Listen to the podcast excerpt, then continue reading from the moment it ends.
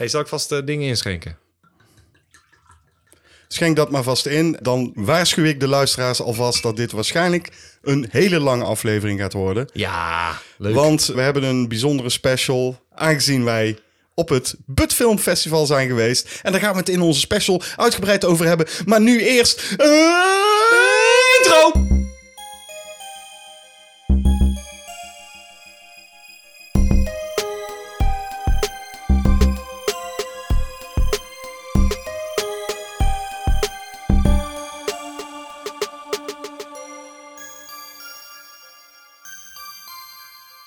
seizoen 2! Seizoen 2 inderdaad. De 21ste aflevering van Cinepraatjes. De podcast van Cinemaatjes. Oh, die ging goed. Oh, het lijkt wel professioneel. Eh, tegenover mij zit William van der Voort en ik ben Jean-Paul Arends. Ja.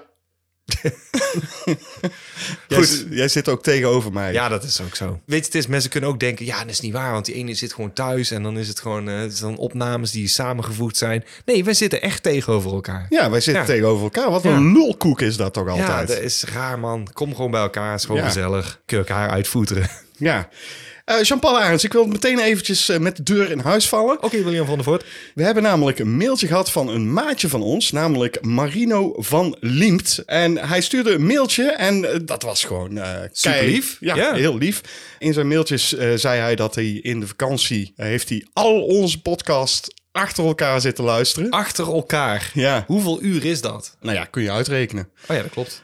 ja, dat is niet zo heel moeilijk eigenlijk. Nee, Ja. dit is eigenlijk de 22e. We hebben er 24 gedaan, dus dat zijn er bij elkaar 46 dan in twee seizoenen. Als je dat eh, gemiddeld neemt van 1 uur en 20 minuten, gok ik. Nou, dan is dat eh, sowieso 46 uur. En dan nog 46 keer 20 minuten. Eh, ja, heel lang. Ja. heel zijn vakantie voorbij. Heel zijn vakantie voorbij. Ja, maar hij luistert ook tijdens het poepen, zei hij. Dus Ja. ja, ja, Dat is de beste manier. ja moet ook wel. Helpt ook, heb ik gehoord. Ja, Als je een beetje verstopt zit, dan... Oh. Daar zijn ze weer. Ja, hè, hè. Hij gaf ons wel het allermooiste compliment wat we kunnen krijgen. Hij zei namelijk, doordat ik naar jullie luisterde, had ik echt het idee van... ik zit bij mensen aan tafel met wie ik wel eens een biertje zou kunnen drinken. Nou, Maar dat is inderdaad zo. Daar maken wij deze podcast ook wel een beetje voor. Van Ja. Dat mensen ja, het gevoel hebben dat ze bij iemand aanschuiven... en dat ze denken van, oh, ik zit bij vrienden aan tafel. of dat ze niet alleen zijn. Van, oh ja, ik vind het leuk om dat soort films te kijken. En eh, ben ik dan de enige? Nee, Ja. dat ben je niet. Oh nee, dat ben je Nee, niet. ben ik zei ja, maar... Ja, ja, je bent alleen. Nee, je bent helemaal niet alleen, Marino. Je bent samen met ons. En we hebben het nu gewoon over jou, want dat mailtje was zo lief. Hij is een schrijver en hij zei dat hij een boek heeft geschreven. Dat heet Sultans. Toen dacht hij van, wat is mijn doelgroep? Had hij dus naar ons geluisterd. Meer dan 46 uur en 46 keer Oh, dat 20 zijn wel- dat zijn minuten lang. 1000 uur. Heel lang Ja. dus. En toen dacht hij van, ik heb een beetje in de smiezen... wat voor karakters deze jongen hebben. Jongens. Namelijk Sultans. nee, wij zijn geen sultans. We hebben wel baarden. Dat hebben we wel. Hij zei dat hij in onze karakters 17 lagen heeft ontdekt. ja. En ik vraag me dan af welke 17 in godsnaam. Is dat bij elkaar opgeteld? Vroeg ik me ook af. Of is dat ieder 17? Eh, Of hebben wij allemaal dezelfde lagen? Kan ook nog. Dus lagen. nee, maar goed. eh, zoveel lagen. eh, hij, hij dacht, dat is precies de doelgroep voor mijn boek. En hij gaat ons dus die boeken toesturen. dus daar gaan we het nog over hebben.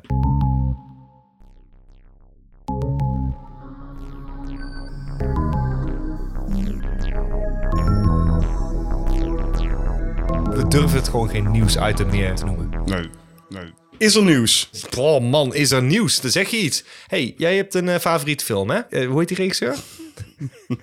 De regisseur heet Walter Hill. Laat hij nou toch net een nieuwe trailer eh, hebben van zijn allernieuwste film. Oh, Ja, Dead for a Dollar. Dead for a Dollar. Wat zegt jou die titel? Western. Ja, daar is het.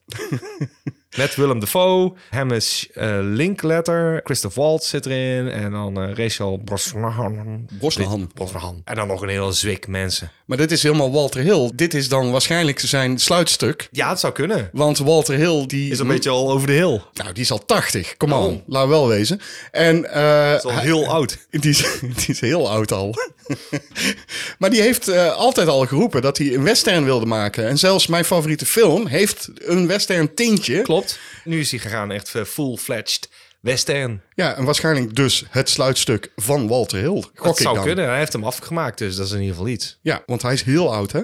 Hij is uh, heel oud, ja. Maar goed, eh, je hebt de trailer gezien. Was ik het gezien. Um, ik, uh, ik weet het niet. Ik ben er niet helemaal om. Het is wel een goede cast, als ik het zo uh, hoor. Het een kast van een kast. ja, precies. Dat zag allemaal leuk uit. Ik weet niet. Ik heb hem op een gegeven moment stopgezet, want ik wil niet te veel zien van het verhaal. Want volgens mij kreeg ik een hele hoop schiet, mensen die aan het schieten zijn op elkaar. En, en dan, ja, denk ik, daar weet ik heel het verhaal al, man was een trailer van drie minuten. Ja, je moet gewoon ook geen trailers kijken. Nee, dat doe ik ook niet. Maar ik denk, ik klik er toch even op, want anders heb ik niks voor nieuws. Het is ook het slechtste item wat we hebben. Ja, dit item slaat helemaal nergens op. We hebben ook helemaal niet.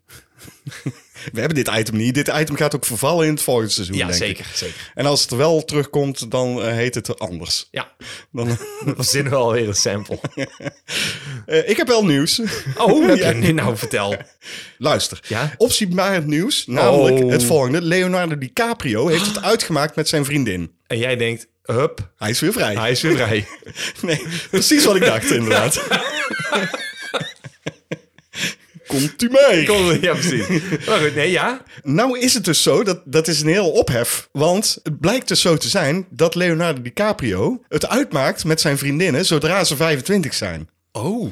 Dat is een goeie. En er gaan dus nu allerlei memes ook al rond daarover. Die heb ik een aantal gezien. En toen dacht ik, waar slaat deze meme op? Die begreep ik dan niet. Maar toen ging ik dus opzoeken. En toen kwam ik dus achter dat dit het verhaal erachter is. Nou is het zo, Jean-Paul Arends, dat ik ben dan wel geen schrijver net als ons maatje Marino. Maar ik heb ooit wel een verhaal al uh, gepinpoint met hoofdstukken en shit. Ja. Een verhaal van een jongen die een man wordt. En die jongen die wordt verliefd op een meisje die iets ouder is dan hem. Op een gegeven moment gaat dat uit. En dan besluit hij om nooit meer een vriendin te nemen die ouder is dan 24. Ah. Heeft, hij, is gewoon... heeft hij gewoon jouw ding, heeft hij jou gehackt? Nou ja, ik weet dus gewoon op zekers dat als mijn verhaal ooit afkomt, dat wie, ja. wie dat moet gaan spelen. dat is natuurlijk Leonardo DiCaprio.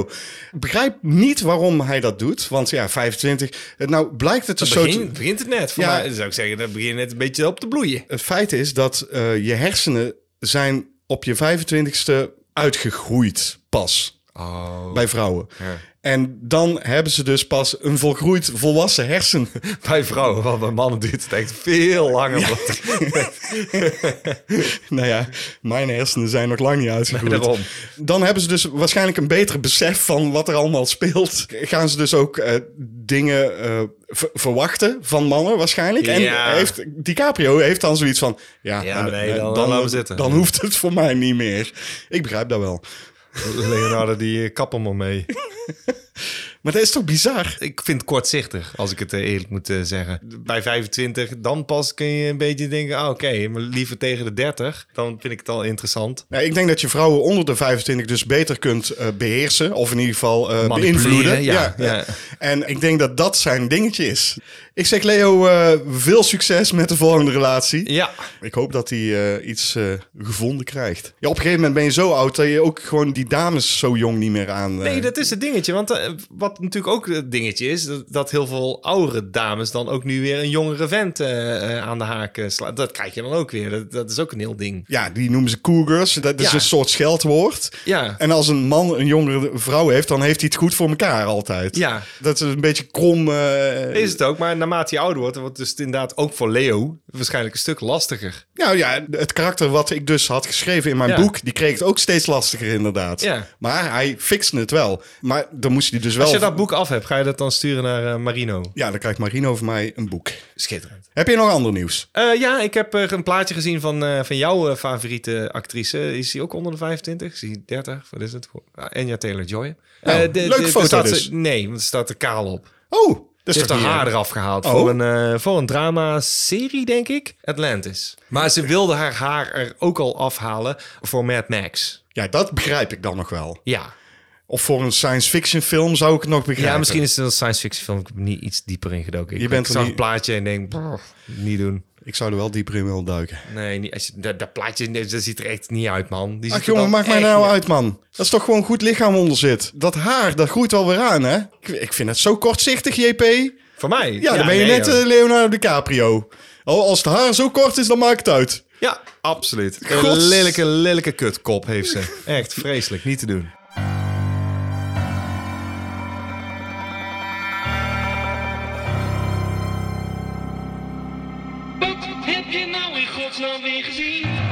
We zijn gewoon samen naar de bioscoop geweest. Ja, en welke film dat is, dat gaan we straks doen. Want ik wil eerst gewoon iets uit de weg ruimen vast van wat we hebben gezien. Want ik denk dat wij langer gaan praten over datgene wat we samen hebben gezien. Dat denk Nou, ik. Oké, dan, nou, dan hou het even kort. kan ik het kort overhouden. Ik heb een film gekeken uit 1990. eh, die heet The Ambulance van Larry Cohen. En die is ons wel bekend, want we hebben al als een keer een recensie van Q gedaan en de stuff. Yes. Ja, en die gaat over een excentrieke striptekenaar. Eh, Josh probeert een meisje te versieren op straat. Eh, hij dringt zich een beetje speels aan haar op. Maar als hij dan ineens een flauwte krijgt, eh, dan, ja, dan hij natuurlijk in paniek. Oh jee, hij, hij schiet er te hulp. Dan wordt er een ambulance gebeld. Er komt een ambulance aanrijden. Maar je merkt ook dat ze wordt gevolgd op straat door iemand anders die haar bespiedt. Ja. Ambulance pikt haar op en vervolgens verdwijnt ze spoorloos. Hij gaat een paar ziekenhuizen af waar zij naartoe gebracht zou kunnen zijn. Maar daar weten ze van niks. Denk ik, hoe kan dat nou? Is gewoon helemaal weg. Nou, gaat hij naar de politie. De politie die neemt hem ook niet al te serieus. Dan komt dat hij gewoon een beetje excentriek is. Dus op een gegeven moment eh, besluit hij maar gewoon eh, op onderzoek eh, te gaan. Wat er in godsnaam aan de hand is. Want er verdwijnen ook nog meerdere mensen. En dan ziet hij in één keer verband met die rare, mysterieuze, ouderwetse ambulance. Dat is een jaren 50 model ambulance, rood. Dus hij heeft zoiets van, is raar. Er verdwijnen mensen en, wow, wow, wow. en dat, dat is het. En dan denk je, nou, wie is dan die striptekenaar? Eric fucking Roberts. en hij heeft een mat. Heeft hij wel schoenen? Ja, hij heeft wel schoenen, godzijdank. Hij heeft een mat. Veel te hip is hij en veel te druk en veel te aanwezig. Het werkt niet daardoor. De hele film valt op zijn gat, omdat Eric Roberts gewoon de hoofdrol speelt. Hij moet charmant spelen, maar dat kan niet als je zo'n kop hebt.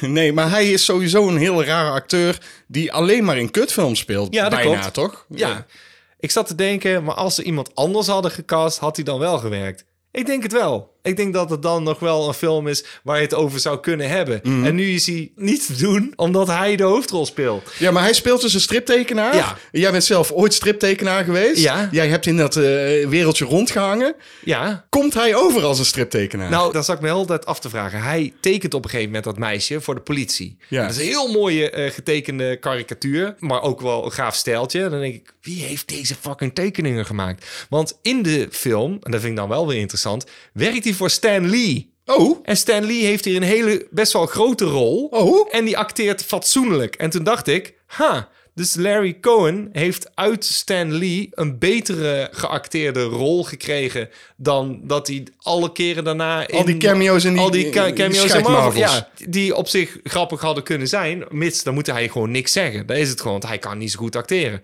Hier viel het reuze mee. Toen dacht ik, oh nee, is acceptabel. Oh, dat is bizar. ben je erachter gekomen wie dat Nee, ik kan het niet heeft? terugvinden. Ik kan het niet terugvinden. Ik heb echt gezocht op de eh, cast crew dingen. Ik denk, hè?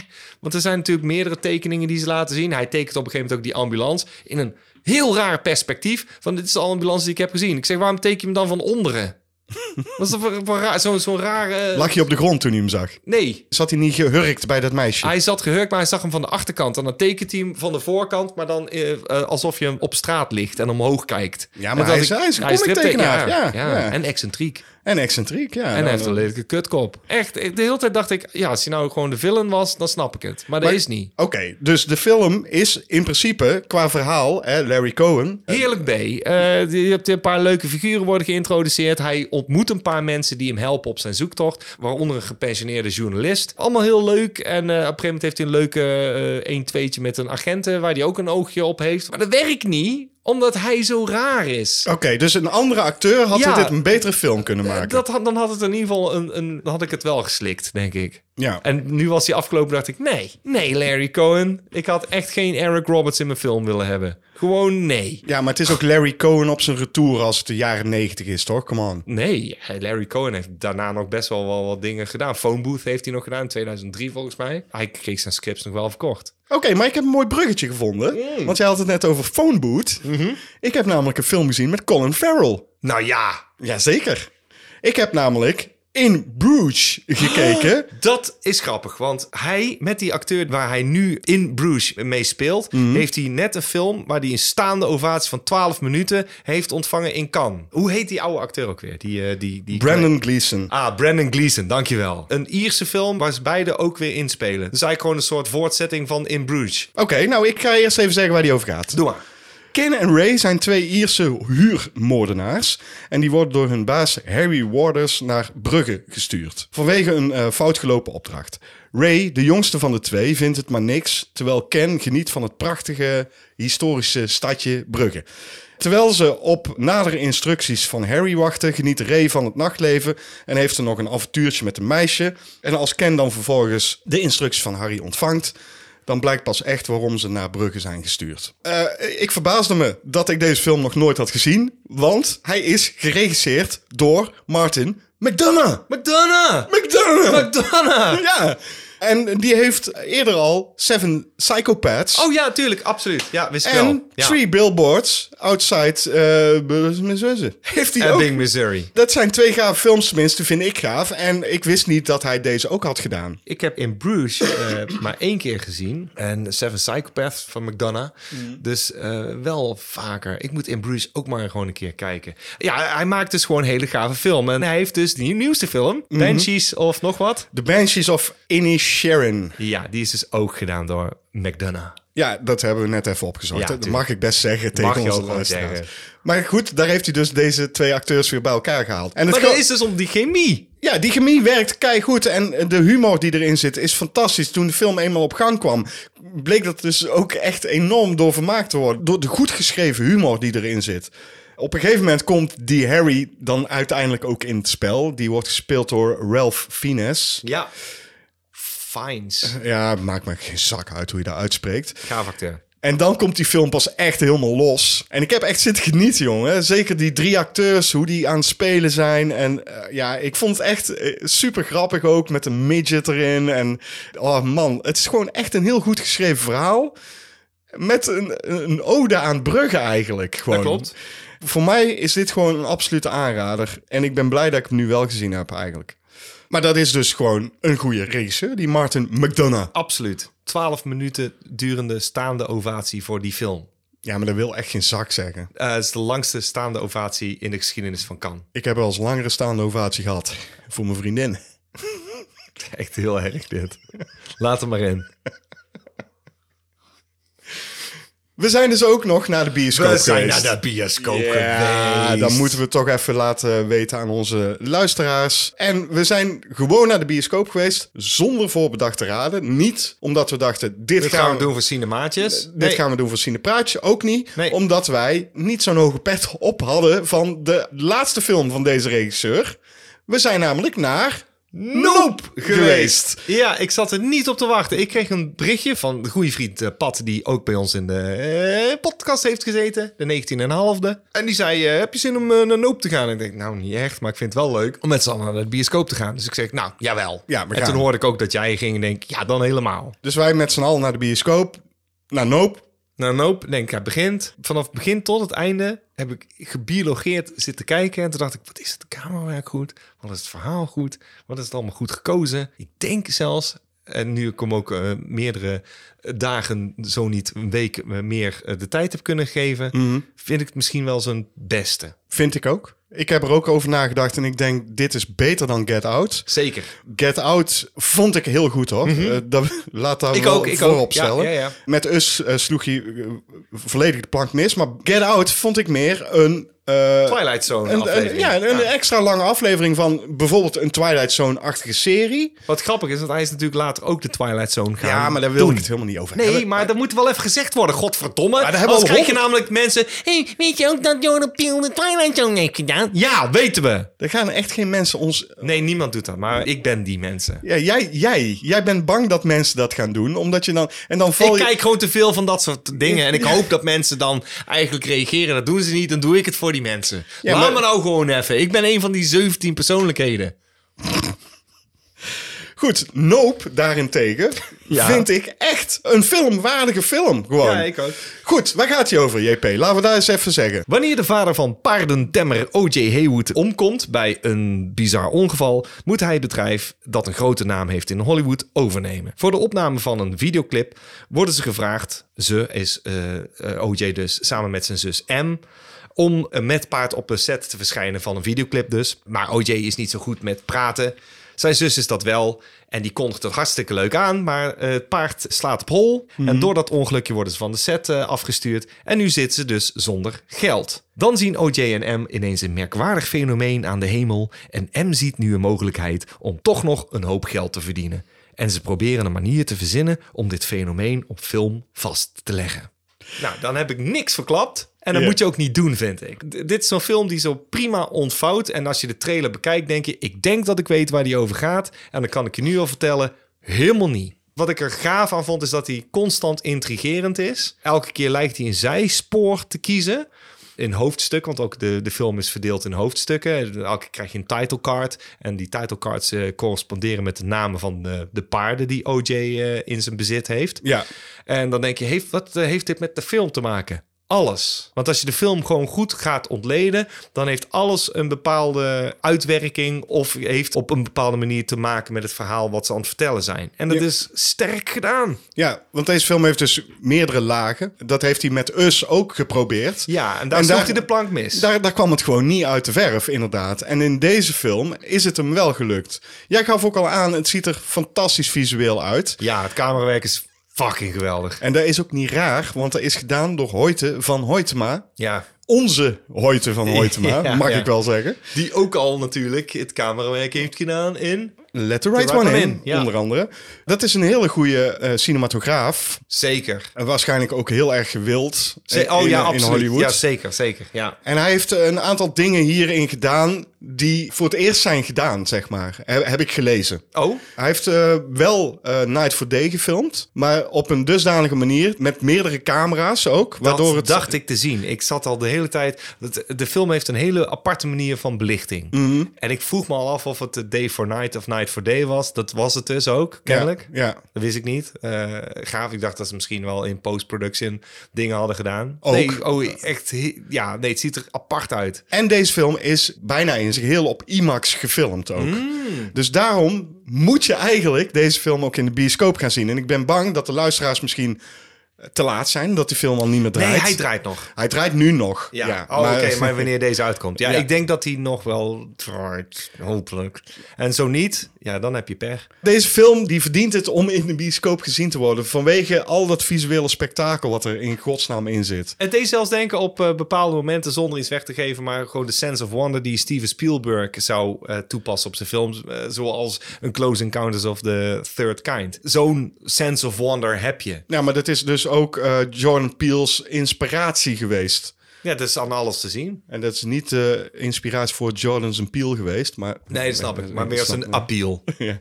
Maar eh, hij heeft duidelijke inspiraties uit andere films gehaald. En allemaal echt klassiekers. Hij weet echt wel dingen van film. En dat is het mooie ervan. Ik vind het zo fijn om te zien. Want we hebben us gedaan op youtube.com slash Dutch Nerd Club.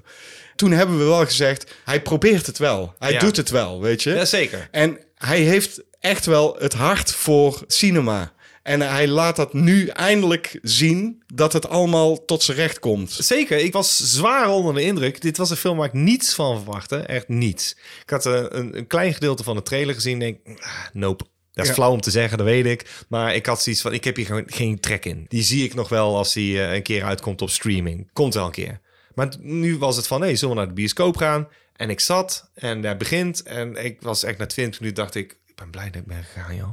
fuck, ik ben echt aan het genieten. Er zitten zulke gave rollen in. Het loopt allemaal. Wat de film heeft, humor ook nog eens. Ja, en, die is, ja. en die is goed. Maar dat verwachten we ook wel van Jordan Peele Tuurlijk, uiteraard. Hij heeft natuurlijk een sketchprogramma gehad. En eerlijk, grappig. Zeker. Dat komt allemaal tot zijn recht. Dus eh, de, wat mij betreft, eh, zeer geslaagde eh, film. De hoofdrol, die OJ, die wordt gespeeld door Daniel Kaluuya. Daar wil ik nog even over hebben, want die speelde natuurlijk ook de hoofdrol in Get Out.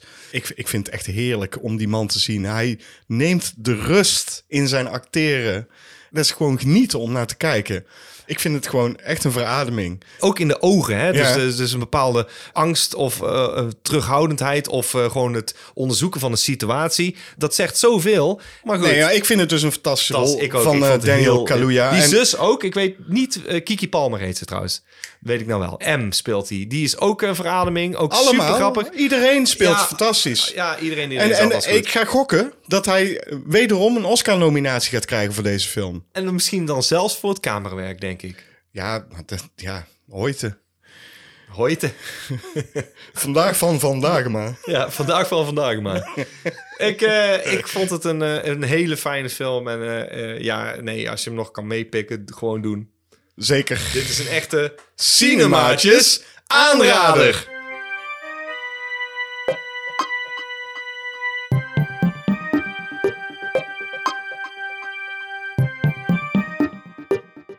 Uit de kast. Uit de kast. IJzeren hoes. Ja, nou, het grappige is, deze heeft dan weer een lenticular eh, voorkant. Dus we houden het in spanning, hè? We houden het spannend. We houden het spannend. Het Een spannend. lenticular voorkant waar twee mensen naar buiten kijken. Ja. Oeh, en het is heel is vaag. 3D. Het is, we houden het vaag. Oh, het, is- het is zeker vaag. het is letterlijk Het vaag. is godverdomme vaag ook buiten. Ik ga een, een, een neveltje weghalen eh, van de vaagheid. En ik ga zeggen, het is gebaseerd op een eh, legendarisch verhaal van Stephen King. Nou. Misschien dat je dan als luisteraar al denkt van... hey, er begint iets te dagen. Nee? Of misschien heb je het gemist. Moet ik het nog een keer zeggen Ja, dan? doe nog maar een keer. Nou, eh, Hè? Nee. het is de mist. Eh, nou, het is eruit hoor. Is dit de versie met eh, de zwart-wit? Ja, die staat Ja, erop, die hè? bevat, Ja, bevat die- de unieke zwart-wit filmversie. Oké, en dit is zo'n dingetje waarvan ik dan denk... leuk dat daar is, maar je kunt toch ook gewoon je televisie zwart-wit zetten? Is dat nou zo moeilijk? Dat zou kunnen. Ja, hop, de kleur eruit, klaar. Ik ga gewoon lezen waar die over gaat. Jean-Paul Arends. Na een hevige storm zien de inwoners van een klein stadje een mysterieuze dichte mist Mysterieuze. Naderen. Waarin zich monsterlijke wezens schuilhouden. Nou ja. Dat is gewoon een dikke spoiler. Echt? Nou, ik kun je stoppen. Die alles en iedereen op hun weg verslinden. Een groep bewoners, waaronder David Drayton en zijn zoontje Billy, komt vast te zitten in een lokale supermarkt. Volledig omsloten door de mist. Hun enige kans op overleving is samenwerking. Maar de groep valt al snel in twee kampen uiteen. Miss Carmody, Mist. die ervan overtuigd is dat het einde der tijden nabij is, stelt een krankzinnige oplossing voor. Tot zijn schrik en verbazing Schrik en verbazing. Ja, dat staat hier. Krijgt zij steeds meer mensen achter zich. Tot zijn schrik. De- ik ga er dan maar van uit dat dat David zijn schrik is. Ja, ja uiteraard. Daar Ja. beginnen ze mee, ja. Ja, maar die verwijzing die klopt niet helemaal, moet ik eerlijk zeggen. Goed, eh, Nederlands is niet mijn... eh, Eerste taal. Nee, nee, klopt. Misschien moeten we het aan, eh, misschien moeten we het aan Marino vragen, die schrijver is. David vraagt zich af voor wie hij echt bang is. Dubbele punt. De monsters buiten of de monsters binnen? Spoiler. De mensen die tot op dat moment zijn vrienden en buren waren. Ik vond dit een leuke film. Ik heb deze gezien in de bioscoop en ik vond het een eh, degelijk gemaakte film met een beter einde dan het boek. Want eh, bij deze film hebben ze ervoor gekozen, eh, niks ga ik spoilen, om er een andere twist aan te geven. Die eh, beter past bij het verhaal wat ze vertellen. De twist is inderdaad best wel eh, cool eigenlijk op het einde. Dat klopt. Ja, en wat ik ook er tof aan vond, is dus eh, wat de echte horror zijn inderdaad mensen in een afgesloten ruimte. En dan hoe een situatie door kwaadwillenden of mensen met een bepaalde geloofsachtergrond, hoe dat helemaal ja, de boel kan overnemen door manipulatie, indoctrinatie en groepsdruk. En dat maakt eigenlijk deze film, vind ik. Ik vond dit een, prima poging. Prima acteerprestaties. Dat is ook de reden dat ik hem heb gekocht. Tuurlijk. Ik was zeer benieuwd naar de zwart-wit versie. En ik kan natuurlijk zeggen, oh, ik had het eh, in zwart-wit kunnen zeggen. Nee, precies. Ik wilde hem. Ik heb hem gekeken ook in het eh, zwart-wit. Ik weet niet of dat beter is. Maar was hij... eh, ik was, ik, wa- de- nee, maar dus- was, was het de bedoeling dat hij in zwart-wit zou... Eh, volgens mij wilden ze dat wel doen. En ehm, ja, En, En dat hadden ze misschien ook wel kunnen doen. Want de special effects, ondanks het feit dat ik er wel hele leuke special effects in vind zitten, zijn nogal CGI. Maar dat was toen in 2007 ook al toen die uitkwam. Ik dacht, misschien wordt dat wel beter als je hem dan in het zwart-wit kijkt, valt het minder op. Ja. Klopt, helpt enigszins. maar niet, niet, oh ja, dat is inderdaad stukken beter. Ik had niet, niet zo van, oh, dan, dan kan er een puntje bij. Nee, de, maar het, het werkt voor wat het is. Jij zegt, het einde is beter dan het boek. Stephen King is wel de man die goede karakters kan beschrijven, goede eh, locaties kan En omschrijven. het, het eh, verschilt niet enorm veel van het boek. Eh, wat dat betreft is een Stephen King verfilming, het boek ervan, is altijd een goed uitgangspunt Ja. om mooie karakters neer te zetten in een film. Absoluut. En toch mislukt dat bijna altijd met Stephen King films. Ja, maar dat is niet helemaal waar. Want ik heb al een keer gezegd, daar moeten, wij een keer, daar moeten we een keer een special aan wijden. Aan, aan goede boekverfilmingen. Ja, ik weet dat een van jouw beste boekverfilmingen Is een Stephen King, is een eh, Stephen ja, King film. zeker. Dat snap ik. Ja. Maar hij heeft zoveel Ah, eh, natuurlijk, er boeken zijn geschreven. heel veel missers bij. eh, Zeker. En hij heeft, er zijn zoveel films gebaseerd op boeken van Stephen King. Ja. Dan kun je zeggen, oké, die ene is dan heel goed gelukt. Er zijn er een hoop hoor, stiekem. Christine is gelukt. Ik vond de eerste Firestarter is ook nog nog wel lachen. Misery. Misery is fantastisch. Echt. De Mist is dus ook nog gelukt. Wat hebben we nog meer? Carrie, natuurlijk. maar waarom mislukken die anderen dan? Mis, Waarom, Mistlukken.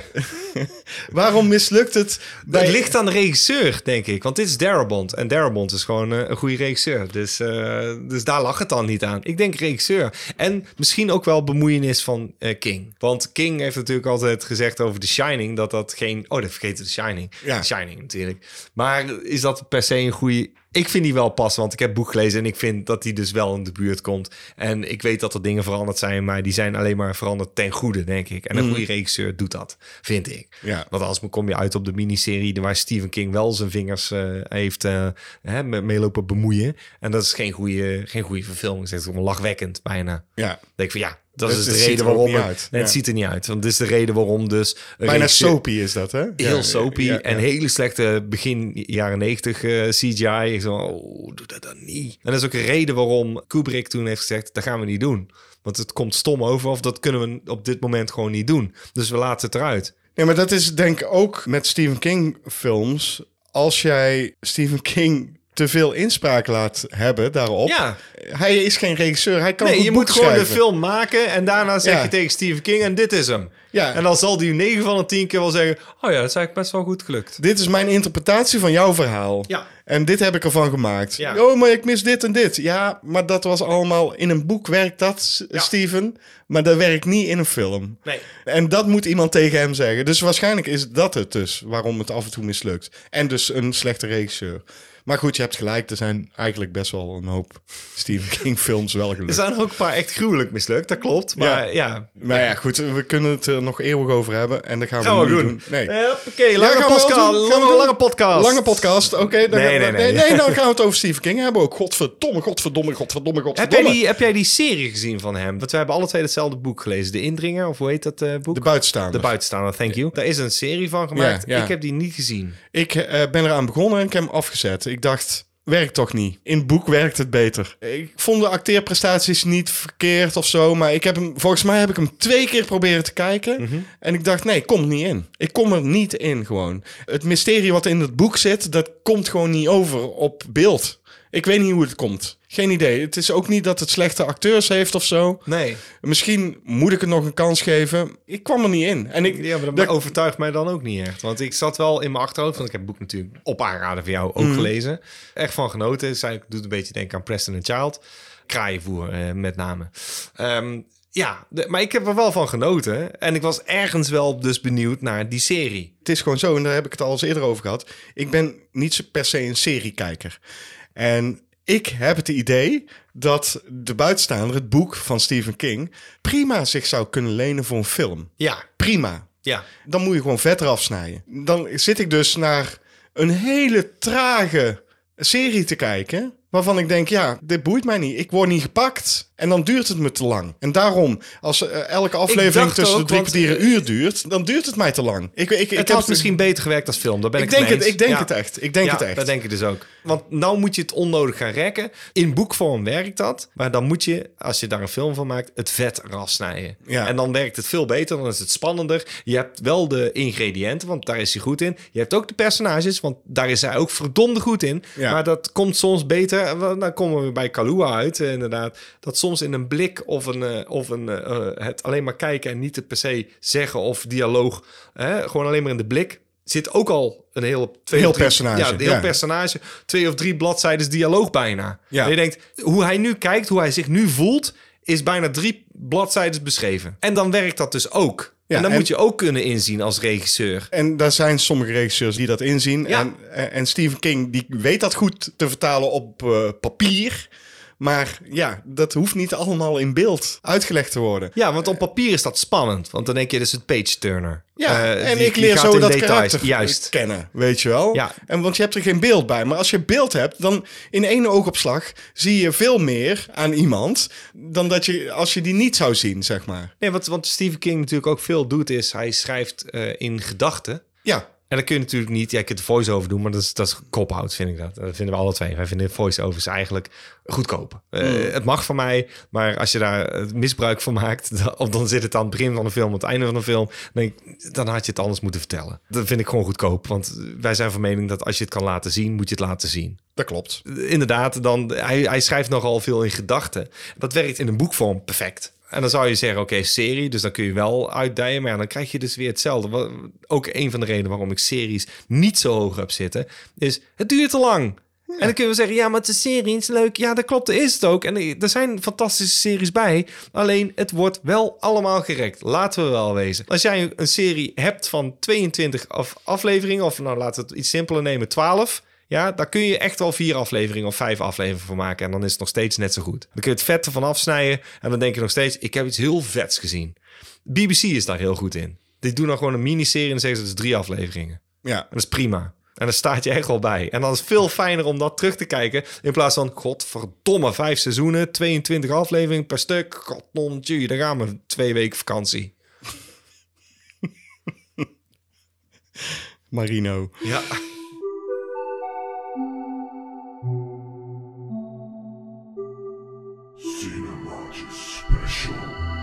Oké, daar gaan we. Ik ga het een beetje inleiden. Zaterdag 3 september zijn wij dus naar het Bud Film Festival in Breedjeda geweest.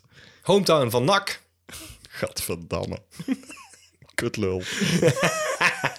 Ik, ik zeg dit, omdat William natuurlijk een enorme Willem II-fan is. Maar eh, nee, eh, ja, een supporter zelfs. Ehm, ehm, eh, nee, eh, Breda, leuk. Breedjeda, Breedjeda. inderdaad. Maar voordat we daarheen gaan, laat ik heel even horen dat we daar ook daadwerkelijk waren. Er is eh, heel veel geroezemoes op de achtergrond, Jean-Paul. Ja, maar dat is logisch, want we zijn eh, op een soort binnenplaats en alles weer kaatst. Waar zitten we dan? We zitten op een festival, een filmfestival. We zitten in Breda. Oh, Ja? ja? Op het But Filmfestival. Juist.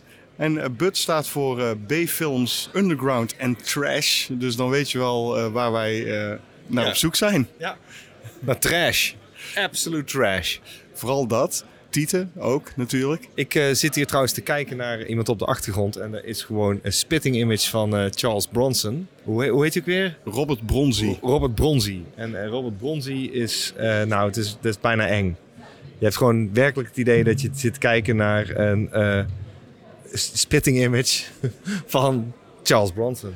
Ja, we gaan er zo nog mee op de foto. Ja, dat moet, denk ik wel. Moet, dat moet, dat moet. Die foto hebben jullie al gezien als jullie dit horen waarschijnlijk. Omdat dat eh, wel op onze socials zal komen. Ja, er is hier van alles te doen. Er is een, eh, een markt bezig op dit moment. Je hebt al wat dingen gekocht hè, Jean-Paul? Ja, ik zal mijn eh, spullen er eens even bij pakken. Ik, eh, er zijn dvd's te koop, er zijn soundtracks te koop. Ik weet het uit ervaring dat jij er ook eh, al heel even bent wezen neuzen. Ik heb gekocht een eh, heel interessant eh, boekje Cut the Unseen Unseen Cinema bij een eh, toffe kerel die eh, ja, eh, hele toffe filmboeken verkocht. En dit gaat over al obscure, nou is precies op mijn lijf geschreven, alle Veel tieten zie ik. er staan weer veel tieten in. Ik heb weer, ook weer met tieten Beneath Contempt and Happy to Be There. The Fighting Life of Porn King, L. Goldstein by Jack Stevenson. Een soort biografie over de uitgever van Screw Magazine. Met de nodige plaatjes en zelfs de handtekening van de schrijver erin. En ik heb eh, erotische van Tinto Brass op DVD. Weer tieten. Weer tieten. Ja joh. Dus je, je gaat eh, specifiek voor de die. T staat in but voor tieten. Dat is leuk. Ik heb zelf ook iets gekocht. Ik ben namelijk eh, Ja. bij een of andere soundtrackverkoper uh, heb ik de CD gevonden van de soundtrack van eh, The Warriors. Ja, je zou denken dat je die al lang zou hebben. En die heb je natuurlijk al, maar die had je al plaat. Ik had een vinylversie en eh, deze staat boordevol met extra's en onuitgebrachte nummers. Dus die moest ik eventjes eh, aanschaffen, vond ik. Uiteraard, dat zou ik namelijk ook hebben gedaan. Echt meteen.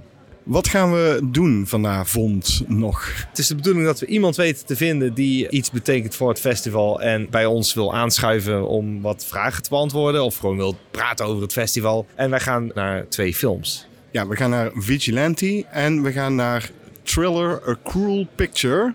En ik heb daarvan vernomen dat er daadwerkelijke penetratie in zit. Oh jee.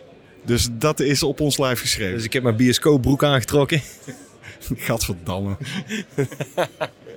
Toch niet voor mij. Nee, nee, nee, nee. Ik, ik ga ergens achterin zitten. En eh, let maar niet op mij. Ik ga niet op jou letten. Dat doe ik eigenlijk nooit. Dus, eh, Gelukkig maar. eh, nou, tot straks. Nou, het grappige is, Jean-Paul, hè, dat we daar dus inderdaad waren. Maar wij waren daar niet alleen.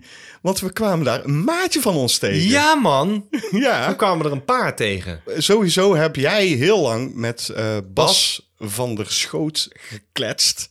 Wat een gave gast, man. Het was eh, twee handen op één buik eh, bijna. Het, was, eh, het ging alleen maar over Jallo.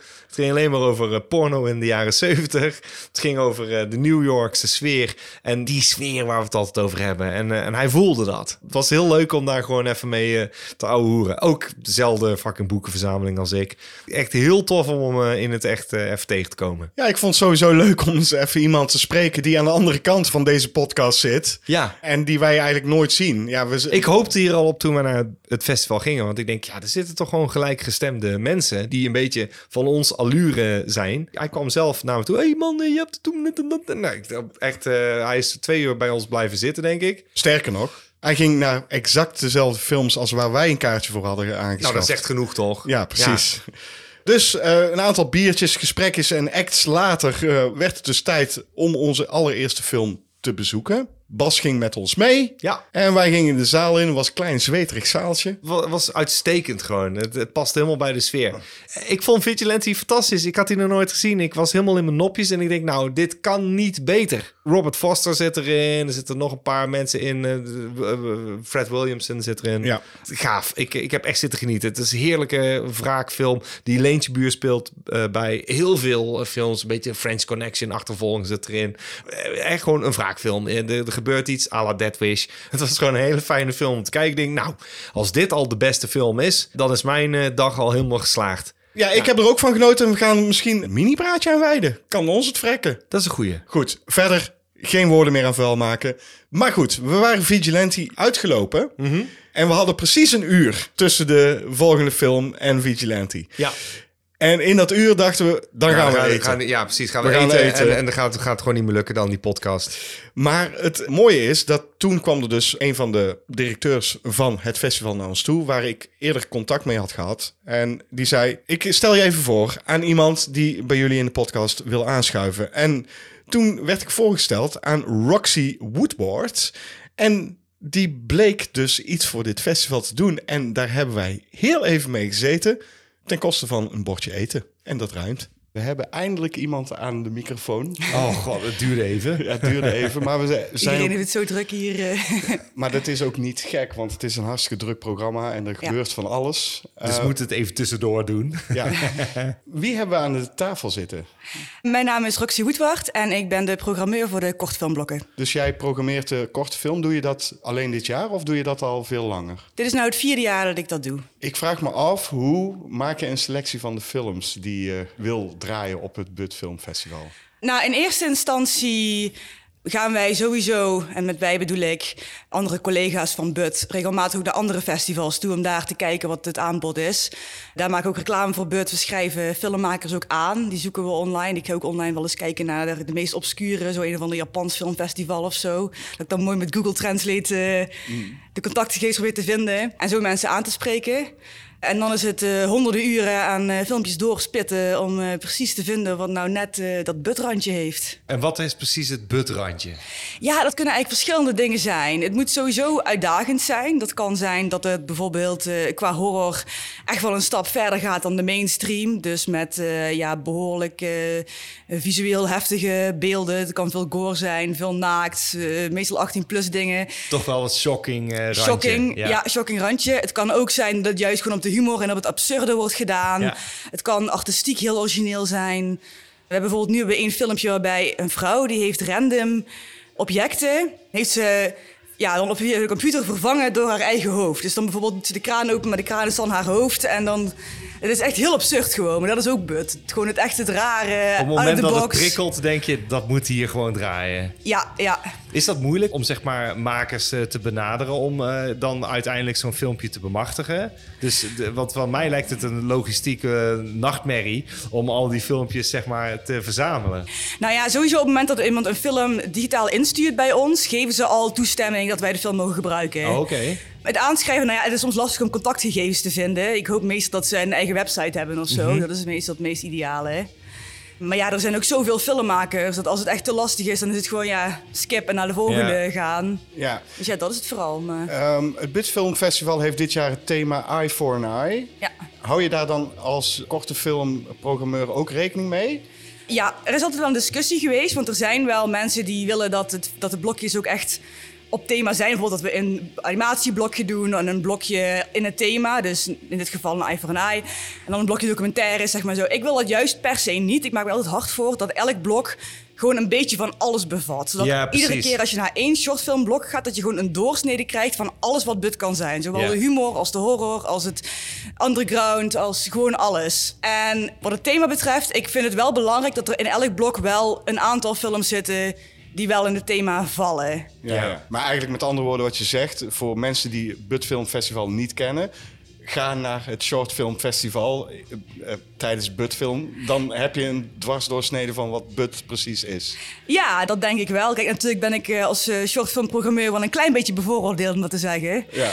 Maar eh, ik denk inderdaad dat je dan wel echt van alles gewoon een beetje kunt proeven. Er gaat in elk blok ook iets zijn wat je echt helemaal niks vindt. En er gaat in elk blok wel iets zijn wat je wel leuk vindt. Dus eh, Wat is jouw eigen favoriete film? van de kortfilms of eh, dit jaar? Nou, of, voor- eh, nou, Nou, laten we het even toespitsen op deze selectie. ja. Oké. Nou, ik vind het natuurlijk lastig, want we hebben natuurlijk met de ploeg wel een officiële selectie aan eh, genomineerde films gemaakt. En daarvan gaat er één eh, zo dadelijk een prijs winnen. En ik weet niet welke. Wij nomineren wel met ons groepje, bepalen wij welke de vijf genomineerden zijn. Maar degene die wint, dat staat op, compleet los van ons. Dat is echt een onafhankelijke jury Ja, ja. die daar dan naar kijkt en de winnaar bepaalt. Persoonlijk gaat mijn voorkeur altijd naar, zoals Amazon Woman, vind ik erg leuk. Die is niet genomineerd. Maar dat is dus die ik zei, waarbij een vrouw dus de hoofd Ja, wisselt met allerlei... Ja, gewoon dat ik dan daarnaar kijk. En bedenk, ik kijk ieder jaar echt gewoon 3 à 400 uur aan korte films. Dus als iemand komt met een film en ik kijk ernaar en ik denk... dat heb ik nou echt nog nooit gezien. Ja. Dan heb ik daar meteen respect voor. Ja. Ja. ja. er was ook eh, was er vorig jaar ook een, eh, er was een Nederlandse filmmaker. En die heeft ook iets, eh, iets heel geweldigs gedaan. Ehm hoe heet je dat nou ook alweer? Dat was met een vlinder. Nou, Chrysalis. Chrysalis was Ja? het. Ja. Ja, een pop. Want, eh, en het was ook echt dat was een, een combinatie van live action en poppen. En op een hele, hele coole manier. Dus eh, die Oh, gaaf. ook echt ja, heel dat gaaf. klinkt nou ja. al meteen gaaf. Oké, dus Ja. er zijn dingen die we moeten gaan zoeken eigenlijk. Ja, Ja. Chrysalis. eh, van Chrysalis. vorig jaar even opzoeken, ja. Ja. Er staat een Nederlands filmmaker ook. En eh, daar zie ik echt nog hele grote dingen uitkomen. Ik heb hem ook echt aangesproken op het festival. Dat ik echt zei van, Wauw. Ja, Want de meeste eh, filmmakers die beginnen altijd met korte films. Dus in principe is dat een opstapje naar eh, het echte regisseurschap. klopt. Heb je al in de afgelopen vier jaar dat je dus nu programmeert mensen groot zien worden? Dus dat er al een, een, van een van de dingen die jij hebt geselecteerd een grotere film is uitgekomen? nog niet per se een grotere film, maar ik heb wel filmmakers zien groeien. Er is één keer was er een film die was ook genomineerd, The Doll. Diezelfde makers hebben later nog meer films ingestuurd. En iedere keer als ik de makers zie, dan weet ik eigenlijk al zeker van die gaan geselecteerd worden. Die maken zulke gave dingen. Verder, nou ja, ik heb zelf ook filmacademie gedaan. Ik ben van, eh, van, van op, opleiding eigenlijk eh keffer. Maar ik heb gewoon een algemene filmacademie gedaan. En daar hebben we natuurlijk ook, dus ik heb zelf ook heel veel korte films gemaakt. En het grappige ook wat Nederlandse filmmakers betreft.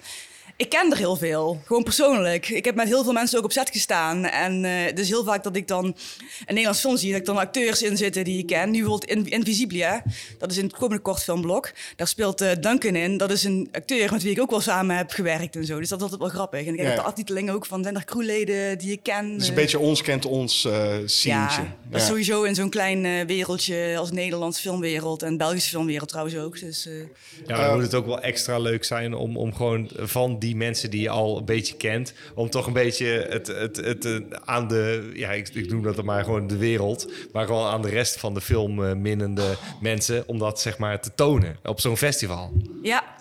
Ja, ik heb ook zelf eh, wel eens gehad dat er een film eh, op het festival kwam waar ik zelf aan mee heb gewerkt. Oké. ja, ja, dat is wel een klein beetje dan dat, eh, dat risico. Maar het ding is, de meeste mensen kijken niet naar de aftiteling. En ja, ik ben dus gaffer op dit moment. Dus ik heb het gewoon in laten sturen door de makers. En de makers, ja, daar staat mijn naam niet bij. En ik zal zo niet de aftiteling doorspitten. Dus ik, ik ben niet de enige die de selectie maakt. Ik ben wel degene die de blokken samenstelt, maar de selectie maken we met een groepje. Ja. Dus ik heb er ook gewoon niet op een eigen film gestemd. Ik heb gewoon afgewacht. Ja, ja, En hij is eerlijk geselecteerd. Dus eh, daar was ik wel heel blij mee. Maar eh Wat doet een gaffer precies? Als eh, gaffer is belichting. Oké, Alles wat met licht te maken heeft. Dus day for night, night for day. De enge donkere schaduwen en zo. eh, oké. dat ja. allemaal. Dat is wel heel belangrijk in een film meestal. Ja, een horror in ieder geval. eh. Ja, zeker. Ja.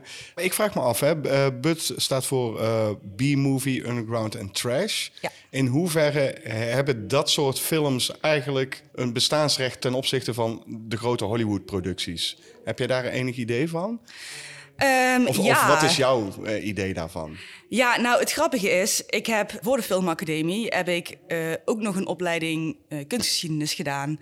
En eigenlijk was het na die jaren aan de hoogstaande kunst en eh, het hoogdravige dat ik op een gegeven moment een beetje moe werd van dat wereldje. Dat dat allemaal, dat elitaire, dat Ja. eigenlijk kunst wordt gemaakt voor andere kunstenaars en kunststudenten, maar wat het normale publiek gewoon niet aanspreekt en niet grijpt.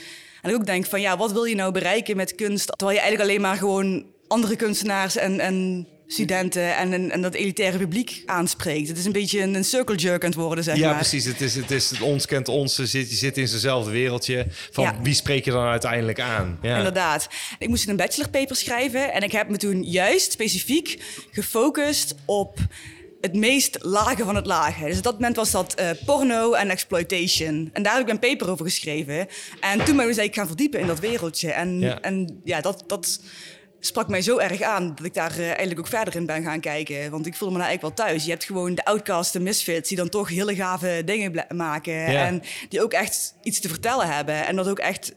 Het spreekt het volk ook gewoon aan. Dit is waar mensen naar kijken. en, en hoe je Ja. een boodschap kunt overbrengen... zonder dat je zo eh, de grote kunstenaar moet uithangen. Maar gewoon kunt zeggen van... eh, Ja, we maken het, het, het, entertainment, we trash, maken het eh, we maken trash, maar dat maakt niet uit. Want Ja. er is wel een publiek. Je, je, je weet altijd wel een publiek te vinden. En daar hoef je niet voor te schamen. Het maakt niet uit of het exploitatie is. Het maakt niet uit of het horror is. Eh, er is altijd een publiek voor. En dat vind ik leuk om te zien. Dus dat er Ja. gelijkgestemden zijn op zo'n festival. Dus ik snap die fascinatie inderdaad. of En die is- aantrekking wel. Het zijn de misfits hier. Dus ook als je hier rondloopt, alles kan. Je ziet mannen rondlopen in jurken. Je ziet mensen rondlopen in, in lingerie of whatever. Of gewoon de meest rare outfits of zo. Het kan gewoon allemaal.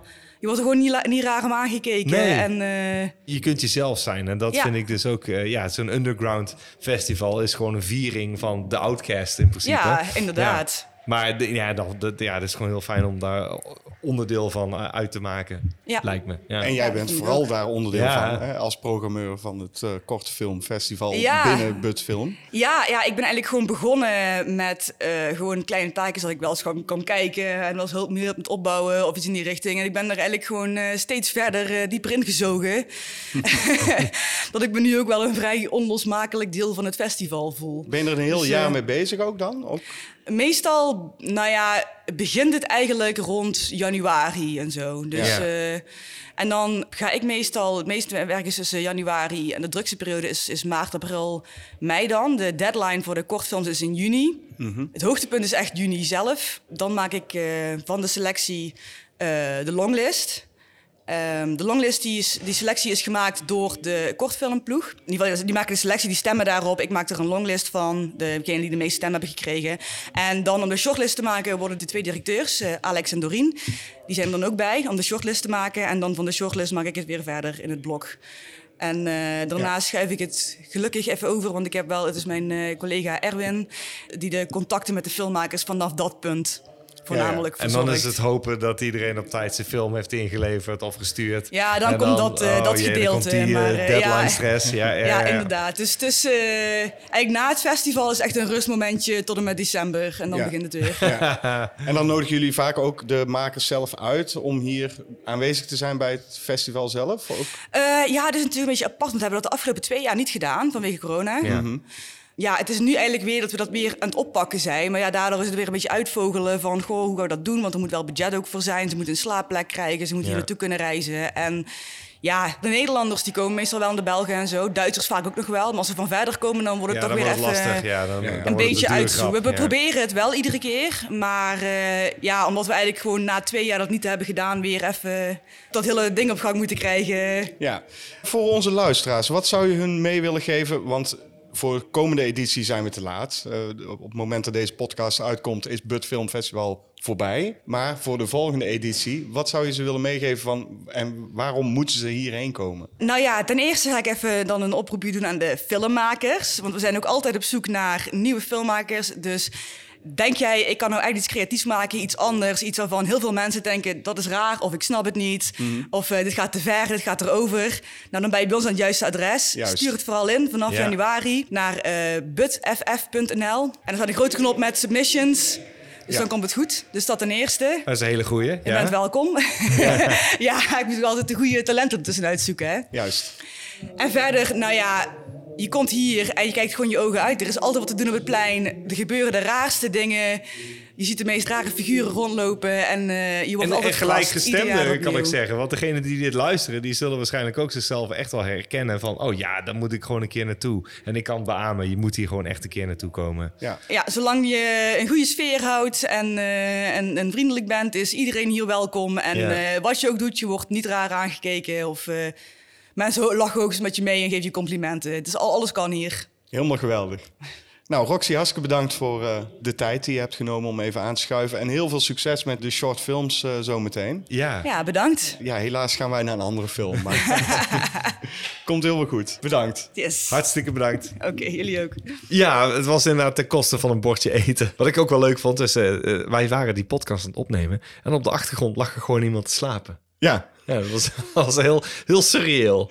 En dan op de achtergrond buiten was er ook allerlei dingen waren er, waren er gaande. ja daar Het- kon, je, het was kon je wel horen ook. Ja, Ja, het was klopt. los. Nee, ik vond het heel leuk. eh, en, en heel tof dat ze even wilden aanschuiven. Zeker. Dus, hop, de zaal weer in. Diezelfde zweterige kleine zalen in, waar we eerder ook al zaten. En we gingen naar Thriller, A Cruel Picture. Waarvan William al mij had medegedeeld. Er is er eentje met echte penetratie erin, hè? Daar heb je al kunnen horen in ons eh, Ja, nou goed. Dus, eh, oh, dat wist ik niet. nee, deze zo. maar goed, de film werd ingeleid door de andere directeur van het festival, namelijk Alex Deal. Leuke vent was dat, man. Ja, zeker. Ja, Ja, die wilde eigenlijk volgens mij nog dat wij meegingen naar eh, een afterparty. klopt. Ja, Ja. Wij, wij moesten de trein terug. Maar ik had het graag gedaan. Volgend jaar misschien. En hij vertelde het een en ander over de film, waar we het natuurlijk zo meteen over gaan hebben. Want ja, dat is ons ook wel opgevallen aan deze film. Maar Dat sowieso, maar ook zijn praatje van tevoren prikkelde al. Zo van, oh, ik heb nou al zin in die ja, film. Ja, ja, we wisten meteen, dit wordt hem. Ik ga even in het kort uitleggen waar die over gaat, JP. Graag. Na een aanranding op jonge leeftijd is Madeline doofstom geworden. Wanneer ze op latere leeftijd een lift aanneemt van een knappe vreemdeling in een flitsende sportwagen, leidt dit tot een verschrikkelijk leven van prostitutie, misbruik en drugsverslaving. Maar Madeline laat het er niet bij zitten. Ze bedenkt een plan om wraak te nemen op diegenen die haar dit hebben aangedaan, gaat op training en zodra ze er klaar voor is, zal haar wraak zoet zijn. Het is een Zweedse film. Zeker, en het was zweterig daar, jongen. Niet normaal. Echt. Maar de film die heet dus Thriller A Cruel Picture. Maar hij staat ook bekend als They Call Her One Eye. Deze film heeft meerdere versies. Ja. En dat is het ding. En dat vertelde dus ook de directeur van het festival in zijn welkomstpraatje. Dat verzamelaars er een echt verwoede pogingen hadden gedaan om deze op VHS, Ja. eh, Blu-ray. En er zijn verschillende uitgaves. Er zijn uitgaves bij die zijn geknipt. Dan kun je zeggen, misschien past dat meer bij de film. Want we moeten uitleggen dat deze film natuurlijk penetratie, er zit penetratie in. Want dat vroeg ik me ook af, waarom is dat? In die tijd was het natuurlijk zo van, hoe krijgen mensen naar de bioscoop? In de jaren 70 ging het heel slecht met de bioscopen. En het was ook zo dat die eerste film van deze regisseur was geflopt. Dus dan is het van, oké, maar wat is dan wel populair? Porno. En zeker daar in Scandinavië. Ja, want eh, Dat de- was legaal. Dat was legaal. Maar eh, ook in eh, Amerika warmden ze zich langzaam op aan bijvoorbeeld uh, Deep Throat. Ja. En toen was van, oh, oké, dus porno kan wel. Maar porno lokt wel mensen naar de bioscoop. Dan moeten er pornoscènes in. Ja. Lijkt misplaatst, maar aan de andere kant denk ik ook... het hoort misschien wel bij het exploitatiegedeelte van die film. En als je dat er weer uithaalt... dit is wel gedaan door deze regisseur. Degene, de scènes die, Ja, weet, die weet wij je wat is? hebben Ja, gezien. ja, ja. Dus de, de film die wij hebben gezien, dus Thriller A Cruel Picture, is de uncut versie. ja, dat is zeker de uncut versie. En daar Ja. zit dus die penetratie in. En die penetratie is niet alleen maar vaginaal, die is ook anaal. Er zit zelfs een cumshot in. Ja. Want wij waren... Shocked. Wij waren echt gechoqueerd. Ik moest naar de wc. Helemaal niet waar. Nee, het is niet Het was wel grappig dat bij de allereerste penetratie iemand in de wc was. En die kwam toen terug en die had toen alles gemist. Oh, en, en toen hadden wij zoiets van, oh, je Oh, hebt alles gemist. Maar dat kwam nog keer. er, Ja. kwam, er kwam nog zoveel nee, penetratie. toen, toen werd het, toen werd het, toen werd die, die anale scène Ja, Oh, nou, toen net was ja. Ja, wat jij zegt, eh, heeft het het nodig? De film heeft het niet per se Niet nodig. per se nodig, nee. Maar het geeft de film wel een extra dimensie. Ja, zij is eh, een, meisje die eh, door een vlotte jongeman mee uit eten wordt gevraagd. Maar is natuurlijk een pimp. Die geeft haar heroïne en maakt haar verslaafd. En dan vervolgens eh, heeft hij haar in haar macht. Jij kan heroïne krijgen, maar je gaat wel voor mij pimpen. Dat wil zij eerst niet en dat kost haar haar oog. Eh, haar oog wordt er uitgehaald met een scalpel. Non de tju. komen we nog op terug. En daarna vervolgens moet zij aan het werk. Dan elke keer als er een klant komt, krijg je natuurlijk van... oh nee, die klant die raakt haar aan, bla bla bla. En dan krijg je elke keer die porno eh, stukjes. Het zijn maar flarden hoor. Je hebt Ja. echt over hompen de rompen de rompen de rompen de pomp pomp pompen pomp pomp. En daarna krijgt ze geld. Ja. En dan is dan, oh, heftig. Ja. Maar toch werkte dat wel. Want ik snapte dat maakt dat het extra heftig Het maakt het extra heftig, Ja. want het maakte het smerig. Maar niet op een erotische manier. Want dan kun je zeggen, het is exploitatie. Klopt. Maar juist maakte het eh, eh, afzienwekkend. Dat was het. Van, nog weerzienwekkender was het om dat te zien. Van, Ja. Dat maakte het goor. Ja, en de actrice die de hoofdrol speelt, eh, Christina Lindberg, die was het natuurlijk niet eens met deze uncut versie van de regisseur. Nee. Want die heeft die porno-stukjes absoluut niet gedaan. Dat wil ze ook wel even zeggen. Maar zij is wel uit de kleren gegaan. Ja. En, en ze had partijgave borsten. Zo. Echt? Dat zag er goed uit, baasje. Ja, dat waren mooie Dat- borsten. Dat wou ik Ja. nog even wel even gezegd hebben. Nou, de hele film die ademt jaren zeventig. Absoluut. In alles. In decors, in de schrootjes, de asbakken. Het is heerlijk om naar te Telefoon, kijken. Ja, ja, ja. Heerlijk. De meubels, eh, alles is jaren zeventig. En Ja. dat maakt het een mooie period piece, bij wijze van spreken. En ja, ik vond het zo intrigerend om te zien dat dat ook bij de jaren zeventig hoort. Net zoals die porno-stukken bij de jaren zeventig hoort. Dit, daarom had ik zoiets van, het hoort er wel bij. En ik, het, is niet van, oh, dit hebben ze achteraf gedaan, twintig jaar later. Nee, dit hebben ze in die tijd gedaan. Dus ik vind dit er wel bij passen. En als hij zo is uitgebracht, dan moet hij gewoon zo. Ja, dan is hij uncut, maar dan is hij wel zo uitgekomen. Het is nog steeds de visie van de eh, regisseur. Ook al heeft hij zich enigszins gemeten aan de hè, tendens van die tijd. Dat maakt me niet zoveel uit. Het past toch stiekem wel een klein beetje bij die film. Ja, precies, die tijd, die jaren Ja. zeventig. En dat, dat ademt het dus helemaal. Wat zij meemaakt, dat is echt geweldig goed in beeld gebracht. En uitgebreid, eh, Tragisch ook. opgezet gewoon. Ja, Waardoor- het is zo goed. Want ze nemen de tijd. Ja, Dat ze nemen er gewoon. echt de tijd voor om te laten zien hoe kut zij het heeft, weet je wel. Ja. De grootste scène daarin is natuurlijk de scène met de scalpel. Ja, En daar moeten we het wel even over hebben, want je Ja, had want het het net is, al ook, aan. het is bijna iconisch hoe, hoe zij als personage op een gegeven moment eh, eruit ziet. Daar komen we dan daarna erop. Dat is op een gegeven moment de scène dat eh, de pimp dus wil dat zij met de klant naar bed gaat. Dat weigert ze, want ze heeft er gewoon geen zin in. Nou, dan zal hij haar wel even morgens leren. Hij gaat bovenop haar zitten, pakt de scalpel en jankt die scalpel in haar oogbal. En we hadden zoiets van, godverdomme ziet dat er echt uit. Ja, dat zag er echt zo vet gewoon een uit. scalpel in een oogbal. Ja. Hoe hebben ze dat gedaan? Is het is, niet is geen rubber. Eh, hoe hebben ze dat gedaan? Ja, dat zag er echt zo bizar echt uit. Ik was echt wel, hoe hebben ze dat gedaan? Ik kon het niet hebben. Ik denk, ik moet het weten. Sorry, ik was gewoon zo geïntrigeerd door deze film. Ik kwam thuis, ik heb van alles oplopen zoeken over deze film. Ik was zo onder de indruk. Ik denk, oh, hoe hebben ze dat gedaan? Ja. Een lijk, kennelijk. Een lijk, maar ik vraag me af, hoe, hoe in godsnaam hebben ze dat voor elkaar gekregen? Om een lijk... Een lijk, en dan moeten we nog aan toevoegen... waar ze de mascara van haar op hebben eh, gedaan... om het matchend te krijgen. Het zag er fantastisch goed uit, man. Het werkte. Ja, maar het Ik zou zeggen, echt ook eh, gewoon. Voor dus- mij krijgt het een dikke lijk. Maar hoe krijg je dat geregeld? Hoe... Dat is ook weer jaren zeventig. Ja, dat is jaren 70. Dat, kun je nou niet Dat doen. krijg je echt nu niet meer voor elkaar gewoon. Ja, dat kun je wel doen. Dan zeg je, nou, is CGI, hè? Dan kun je een lijk regelen. En dan zeg je, nee, nee, nee, dat lijkt echt. Lijkt echt. Eh, dat is CGI. Nee, maar daar trapt niemand in. Eh, Jij krijgt echt niet een like geregeld. Ook niet als je het wel zou Mhm. kunnen regelen... doordat je iemand kent die bij een mortuarium werkt. Ja. Dan ga jij niet geregeld krijgen. Hoe dan ook. Die ogen zijn goed dicht. Dat krijg jij niet geregeld. Ik weet zeker dat je dat niet Het geregeld... was beter dan uh, Un Chien Dan, uh, Dan Lou. Hoe heet die eh, film die met, eh, met het eh, Da- Dali-achtige... dat is een koeienoog.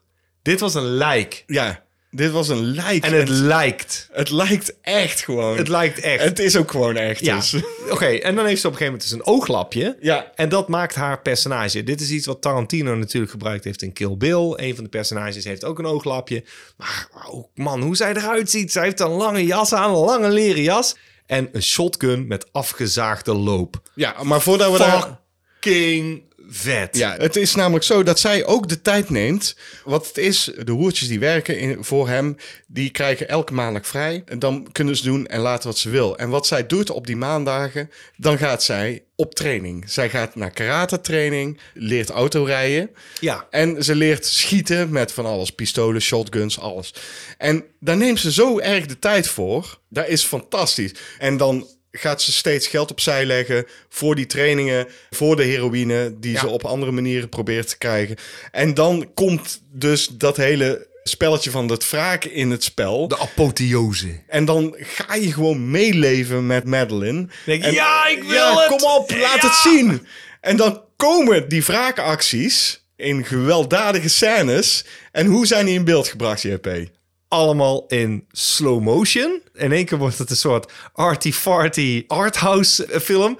Eh, Oké, laat me één scène eh, illustreren. Op een gegeven moment zijn er twee agenten die haar proberen in te rekenen. En in slow motion karate chopt zij die twee mensen genadeloos hard tegen hun gezicht. En de eerste krijgt gewoon een trap, maar ook het geluid is... Ja, het geluid is ook Het is zo- er fantastisch. zit een soort echo-vertraging op. En dan spuugt hij bloed uit wat over zijn hoofd heen gaat. En het is in zo'n enorme langzame slow motion... dat het een soort ballet wordt waar je naar zit te kijken. Ja. Van, oh, en dan draait ze om. En dan komt die andere gast. En boe, Zo, van, ik zit naar iets fantastisch te kijken gewoon. Ik was zo geïntrigeerd. Ik was echt onder de indruk Ja, van ik al ook. die scènes. Ja, ja. En ook in slow motion schieten. Er wordt op haar geschoten en dan rent ze weg. En dan zie je in slow motion dingen exploderen. Het maakt het intens, jongen. Want je hebt haar de hele tijd eh, door allerlei rotzooi zien gaan. En ze heeft geld op Tuurlijk, eh, ja, apart. je juicht voor haar. Absoluut. Oh mijn god. Ja. Dus je wil niet dat het misgaat. Inderdaad, die slow motion maakt het zo bizar en onwerkelijk... Mhm. dat het zo kunstzinnig overkomt. Zo e- echt arty. En het geluid wat in de laatste acte van de film... ook zijn intrede ineens doet... Ja. Dat is zo arty. eh, bijna noisy gewoon. Ik heb sterk het idee dat het wel de intentie was. Ik denk het ook. Maar ik kan me voorstellen dat niet alle kijkers dit zullen waarderen. Of Nee. kunnen waarderen. Nee, dus nee. De slow motion Ja. was zodanig dat als je al die scènes niet in slow motion had gefilmd, maar gewoon normaal, dan was de film misschien wel een kwartier korter geweest. Dat sowieso, maar dan had hij nooit die impact gehad. Dan had hij deze impact niet gehad. Dat klopt. En dat is het. Dit is een film die je nooit gaat vergeten als je hem gezien hebt. Tenminste, ik niet. Nee, ik ook niet. Ik vond hem zo gaaf dat hij, hij is gestaag gestegen in, in een van de beste films die ik heb gezien. Het is niet omdat hij zo ongelooflijk goed gemaakt is. Dat is het helemaal niet. Het, het mankte echt al op, op sommige deliverances. Maar het is gewoon zo overtuigend gebracht door iedereen die eraan mee heeft gewerkt. Dat het daardoor wel werkt. Ja, oké, er zitten bijvoorbeeld scènes in dat auto's verongelukken en die ontploffen meteen. Maar dat is alleen maar gaaf. Is een hele gave achtervolgingsscène, een coureurscène met de auto die geweldig is. Het is super gaaf. De film die je niet vergeet. Ik kwam eh, verrijkt de bioscoop weer uit. Verrijkt. Ik had iets van, dit is een van de gaafste films die ik in de afgelopen tijd heb gezien. En ik moet hem hebben. Moet hem hebben. Moet. Nou, aanschaffen dus. Ja, dat wordt absoluut een aanschaf. Ik, ik ben helemaal om. Oké, nou, eh, we hebben deze film gekeken. En na de film bleek dus dat een vriend van ons... die zou ook naar deze film komen. Die had ook een ticket aangeschaft voor deze film. Die is de verkeerde zaal ingestapt. Maar grappig genoeg is hij dus toevallig de zaal ingestapt met de shortfilms die Roxy heeft geprogrammeerd. Ja, ja, ik denk dat Roxy ook niet zal zeggen dat hij de verkeerde zaal is ingestapt. Nee, maar- die, die zal zeggen, hey, goede keus. En Ja. dat vond hij zelf ook. Hij zei, ik heb me echt eh, prima vermaakt. En na de film eh, hebben wij hem nog gesproken, hebben we een wokje gegeten. We zijn eh, meerdere gelijkgestemden tegengekomen, zoals ook Jelke van Antwerpen, die op Horror Addicts Nederland zit, waar ik ook op zit. Ja, ja, ja. Eh, dat was leuk om eh, gewoon mensen in levende lijven te ontmoeten die gewoon echt dezelfde passie hebben als die wij hebben gewoon. ja, was, ik vond het heel fijn. Want dan weet je, oh, je bent niet alleen. Nee, precies. En ik denk dat wij volgend jaar gewoon weer gaan. Wij gaan volgend jaar zeker weer. Ik vond het eh, echt een feestje. Vragen, vragen, vragen. Je kunt het aan ons vragen in de vraagbak. De allereerste vraag is van Agent on Clocks. En die vraagt aan ons: als de vleermuis niet had bestaan. Als dier zijnde. Ja. Welk dier waren Batman en Dracula dan in vredesnaam geworden? Nou, bijzondere vraag. Maar Agent on Clocks die komt elke keer met bijzondere vragen. Dus fantastisch. Bruce Wayne heeft uiteraard voor een vleermuis als uitgangspunt gekozen vanwege het feit dat het een nachtdier is. Ja. Ik vroeg me ook af of hij überhaupt goed had nagedacht voordat hij gekozen had voor de vleermuis. In de films wel. Want dan valt hij in een grot en dan krijgt hij vleermuis over zich heen. Maar in de strips, Nou, in de film wordt het goed beter uitgelegd van because they scare me. ja, Maar in de strip is het meer gewoon, dat ziet er gewoon visueel gewoon tof uit. luister. Want ik denk, een vleermuis is niet bepaald een geliefd dier bij, Nee. bij mensen. En hij wil wel heel veel goeds doen voor de wereld, toch? Ja. Dus hij wil een geliefde superheld zijn. Mhm. Maar wel die in de nacht bezig is. Als je dan wat langer nadenkt, Bruce, dan kies je niet voor de vleermuis. Want dan ben je niet een geliefd dier aan het kiezen. Nee. Dus dan kun je beter kiezen voor bijvoorbeeld een uil. Een uil is ook een nachtdier. Heeft ook vleugels. Kun je ook die kepen omdoen. En is gewoon wat aaibaarder. Er zijn heel veel aaibare uilen. Ja, dan kom je meteen bij de Watchmen uit. Daar heet eh, een van de, de figuren de uil. Ja, maar dat weet ik niet, want ik kijk geen superheldenfilms, dat weet jij. Nee, dat klopt. Maar goed, eh, nee, dat is een parodie op Batman en die heeft een uilenpak aan. Nou, oké, maar dat is, dat, dus, is dus zo'n je zit betere in keuze. dezelfde, Ja. ja. nee, de- je zit in dezelfde Alan Moore logica te denken. Nou, dan heb ik dat eh, gewoon heel goed gedaan, vind ja, ik. eh, precies. Maar wat zou jij voor eh, Bruce Wayne... eh, Ik zat te denken, oké, als er geen vleermuis had bestaan, zat ik te denken een nachtvlinder. Maar dat vond ik te gay. een mot? Een mot zat ik ook nog te denken, maar dat is ook te makkelijk, denk ik. Mhm. En toen dacht ik, een stad, want hij, is, hij komt uit de stad. Een duif. Gewoon een duif. Gewoon een duif. Dat is bird person. Dat maakt niet uit. Een duif. Oh, ik Voor Dracula geldt natuurlijk hetzelfde. Hè? Die wordt ook geassocieerd met een nachtdier. Mhm. De keuze van vleermuis is nog beter... omdat een vleermuis ook een bloedzuigend eh, nachtdier is. Ja, het Dus- is hetzelfde beest gekozen als ik. Dat weet ik nou al. Nee, denk Oh. het niet. Nee, ik heb een heel ander beest gekozen. Maar ik ben, ik ben op een andere manier gaan kijken naar Dracula. Als je dat vrij vertaalt, dan is het een coole draak. Dracula. Ja. Een coole draak. Wat is nou een coole draak? Dacht ik. Nou, dan kom je bij Komodo vooraan. Dat is heel lateraal eh, gedacht. Ja, nou, Ja. dat heb ik gedaan bij deze. Het is ook een eh, rare vraag Ja, natuurlijk. dat is ook een raar vraag. Ik had geen zin om verder door te denken. Dus ik dacht, Dracula, als er geen vleermuis was, hij is wel een bloedzuiger, een mug. Ja, dat dacht ik ook, maar dat is helemaal niet cool. Nee, dat En maakt ik- mij niet uit. Nee, dat ik snap ik. van domme, dat is de vraag. Dat, dit is de vraag die hij stelt. Als de vleermuis niet had bestaan, mug. Dat is het eerste wat ik dan denk. Ja, dan, maar- dan heb je een andere bloedzuiger, een mug. Ja, Nou. nee, nee, daar heb ik ook aan gedacht. Ik had geen zin om daar meer de tijd aan veld te Nee, maken. ik snap dat je voor mug kiest. Ik heb daar ook aan gedacht. Maar ik dacht, Dracula moet wel... Als hij dan verandert in een beest... moet hij wel cool overkomen. En een komodo vooraan. Ondanks dat het misschien niet het snelste beest is... is wel... echt- Het ziet er wel fucking imposant uit, toch? Nou ja. Come on. De volgende vraag is van Ruud IMDB Vos. Oftewel... Ruud IMDB heeft er ertussen geplakt. Ja, dat is zijn eh, Instagram-naam. Oh. Maar hij is van Duimpje Worstelen, dus dat kun je ook volgen. En het is gewoon Ruudje Vos, die ook al eens bij ons in de review heeft gezeten op youtube.com slash Dutch Nerd Club. Hebben wij cruising met hem besproken. Dus kun je even nog nagaan. Hij vraagt aan ons: wie van jullie tweeën heeft de meest beroemde of vooruit bekende mensen ontmoet? Ik, heb opgeschreven, ik denk William, punt. Dat is een heel Nee, goed ik, ik, heb al, ik heb al mensen opgeschreven. Maar Ja. ik, ik wilde het gewoon laten bij ik denk William. Ik denk, als je dat zo stelt. Ja. Wie van jullie tweeën? Ik denk William, punt. Wie jij dan? Vertel Nee, jou. jij eerst, want je hebt een veel grotere lijst. Ik heb maar twee mensen waarvan ik denk, oh ja, dat is wel lachen. Nee, drie. Ik heb bijvoorbeeld eh, Igor Cavalera ontmoet. Ken die? Dat is de broer van de Max Cavalier. Ja, dat is de drummer van Sepultura. Daar sta ik ook mee op de foto. Eh, die speelde in het voorprogramma. Luister wel, het voorprogramma van Teeth of the Sea. eh, vrienden van mij Ja. in Londen. En wij waren daar toen. En eh, ja, hij, hij liep daar ook rond natuurlijk. Dus ik heb, ik heb er even mee gesproken. Ja, deze noem ik als eerste, omdat ik niet meteen mijn kruid wil verschieten. Oké, ik wil ook niet al mijn kruid verschieten. Ik laat er eentje staan. Want dit is een pass-by ding, maar wel eentje die ik gaaf vond. Ik was op Lowlands. Daar moest ik signeren als, eh, als tekenaar van Scribbly. En ik dacht, ik ga heel even naar de wc. En ik stap de wc in en er staat een eh, klein meisje... staat haar voetjes eh, te wassen onder de douche. En ik schrok eigenlijk, want ik is van... oh, nou laat haar maar gewoon... En ze draait zich om, felblauwe ogen. Oh, hi, hello. Dus van, hi-. En ik denk van, nou, dan ga ik niet naar, naar de wc. Maar dat was Nelly Furtado. Oh, Echt een heel klein meisje op blote voetjes. En die was zijn voetjes aan het afspoelen onder de douche. En toen dacht ik, nou, dan laat ik hem maar even de voetjes afspoelen. Ik, ik had er geholpen. Godver de godver. Verdomme. Ja. Die was mooi. Gemiste Die kans, had, buisje. ja, die eh, fel, dat was is ergens 2001. Felblauwe ogen, dat is me altijd bijgebleven. Van, ze draaide zich om en ze keek me aan en ik... Weet je wel, dat je hart stokt in je keel. Van, Ja, dit is een mooie meid. Verdomme, is dat. Ik kan er nog één noemen die ik op hetzelfde concert... Graag. Hetzelfde concert van Teeth of the Sea... ook het voorprogramma van Teeth of the Sea speelde.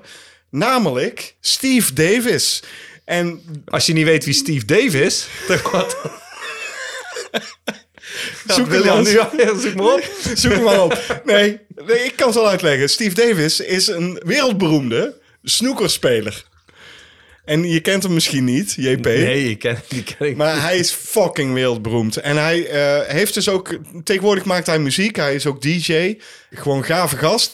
Wat een avond dan voor jou. ja, dat was shit. een avondbaasje. Igor Cavalera en Steve Davis. En het gave is gewoon dat hij... Als je snoeker kijkt, dan Ja. verwacht je niet dat soort muziek die hij nu maakt. Gewoon. Dat is, dat is te gek. is gewoon gaaf. Ja, hij is gewoon... Hij is miljonair. Dat kan niet anders. Want hij... eh, Wat eh, maakt hij voor soort muziek? Vage elektronische eh, muziek. Echt soundscapes.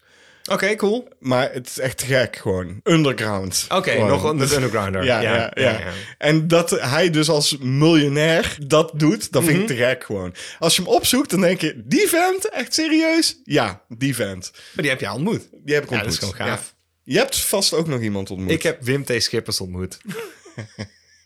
en die kwam aan tafel bij ons staan. En toen heb ik hem allerlei vragen gesteld over Ron Flon. Want dat wilde ik. Ik wilde gewoon weten hoe die dingen werden opgenomen. En hij nam alle tijd. En hij heeft gewoon echt bijna eh, 10 eh, eh, tot 12 minuten... heeft hij gewoon een heel eh, eh, gesprek gevoerd. Ah, dit en dat. En hij ga- gaf overal netjes antwoord op. En dan vervolgens liep hij weg. En al trompetterend als Ernie... Eh, Hij moest ergens naartoe. En toen zei hij... Nou, oké, aangenaam kennismaken. En En zo, zo liep hij weg. Dat, wat, dit was een afgaan. En we keken elkaar aan, degene met wie ik was. Zo, dit is gewoon de gaafste ontmoeting die ik ooit heb meegemaakt. Klaar, ik heb gewoon Wim T. Schippers gezien. Mijn leven is compleet. Ik kan inpakken, ik kan naar huis. Ja. Ja, ik wilde het altijd al. Ik, vind, ik heb enorm respect voor Wim T. Schippers. Altijd al gehad. Daarom, weet je wel, dat ik er was en dat hij aan tafel kwam staan, was gewoon... Ik zag hem en toen van, oh, ik durf bijna niet te vragen. Maar hij kwam eigenlijk al, want hij zag het. Zo van, die willen wat vragen. en, en toen kwam hij gewoon aan tafel staan. En toen dacht ik, ja, nee, ik had wel wat vragen. Want uh, Ron Flon dat vond ik heel gaaf. En vond het ook heel leuk om erover te praten. Man, man, man, mijn idolenhart, zeg maar, ging harder kloppen. Maar dat hij al trompetterend wegliep als fucking Ernie. Dat is gewoon goud. Dat is me altijd bijgebleven. Ja, dat is misschien ja. een van mijn favorietste ontmoetingen ooit. Oké. Ja, dat is een, een Nederlandse bekendheid. Mhm. Dus ja, ik heb ook een Nederlandse bekendheid ontmoet. Nou, sterker nog, die ken ik gewoon. Ik heb het telefoonnummer van deze Nederlandse bekendheid. Oh. Ik ken eh, Raven van Dorst, Oh. persoonlijk. Ja, dat is gewoon gaaf. Niet dat ik heel veel contact met hen heb, natuurlijk. Maar Als jij iets appt, dan appt Raven terug. hun terug. Hun, die. Die. Dat is beter. Ja, dan, dan Dan appt die terug. appt die terug. Ja, dan appt Ja. die terug. Dan appt hij terug. Dan appt die terug. Er kan soms wel wat tijd overheen gaan, want ze heeft... Nee, niet zij. Want hen heeft het natuurlijk Ja, druk. maar ik denk dat, zij, dat hij, zij, slash die, hun, De- dat absoluut niet erg vindt. Want hij, zij, die, hun, maakt daar geen probleem van. Nee, ik kende hen ook al voordat hen Raven heette. Ja, toen mocht je gewoon eh, haar noemen. En toen was het nog gewoon Rian. Ja. Eh, nu is het eh, Raven. Dat vind ik prima en daar heb ik alle respect voor. Maar ik heb natuurlijk heel veel opgetreden met mijn band. En toen speelden wij in het voorprogramma van hun band, hen band, die, band. band. van Dol, Ja. de band van Raven. Ja. En dat zijn altijd gewoon gave optredens geweest. Ook gewoon leuke gesprekken na de optredens. eh, Ik heb die ook een keer gezien. En eh, eh, dat is me altijd bijgebleven als een van mijn gaafste concertjes die ik heb gezien. Die speelde toen in de Kulde Zak. Ik het zelfs opgenomen. Als Mhm. was ik bij. Ja, wauw. Toen kende ik hen nog niet. Nee, maar dit is... Dus, ik zat alleen maar te kijken. En oké, misschien toen was het nog wel ze. En toen dacht ik, dit is geweldig. Ze sprong toen in mijn eh, nek. Ik weet niet of je dat oh, nog gezien dat klopt. hebt. Ja, ja, ja, dat klopt. Ik kan het gewoon echt keigoed vinden met eh, Raven. Echt, het is super gezellig altijd eh, met hen. Ik heb nog eentje waar ik gewoon trots op ben. Oké, trots zelfs. Ik heb Jan Kruis eh, leren kennen. En die wist wie ik was. En die is altijd als een soort vaderfiguur. eh, zelfs eh, Van Jan Jans van en de Jan kinderen. Jans en de kinderen. En heeft als zich altijd als een soort vaderfiguur ook opgesteld. Als een soort opa, vriendelijke opa. Ik had een keer hoofdpijn en dan, was Jan Kruis degene die zei... Jongen, ik heb nog wel paracetamol in mijn tasje. En zei, van, weet je wat je ook moet doen, hè? Je moet een boterhammetje eten. En dan ging hij eh, dan ging hij bestellen. Droog brood, dat helpt. Dan moet je eten. Dan komt het taak helemaal goed. En dan krijg je van mij een paracetamolletje. krijg je een glaasje water. Zeg, wat een vriendelijke vent. Nu komt het allergaafste. Want hij vertelde mij ooit een keer... Jan Kruis liep eh, toen al met een stok. Want eh, Jan Kruis was al op leeftijd. Maar hij liep altijd met een stok. Mijn uitgever, die zei ook van... Jan, wat tikt jouw stok op de straat? Dan hoorde elke keer zo'n rare, holle tik. En toen zei Jan...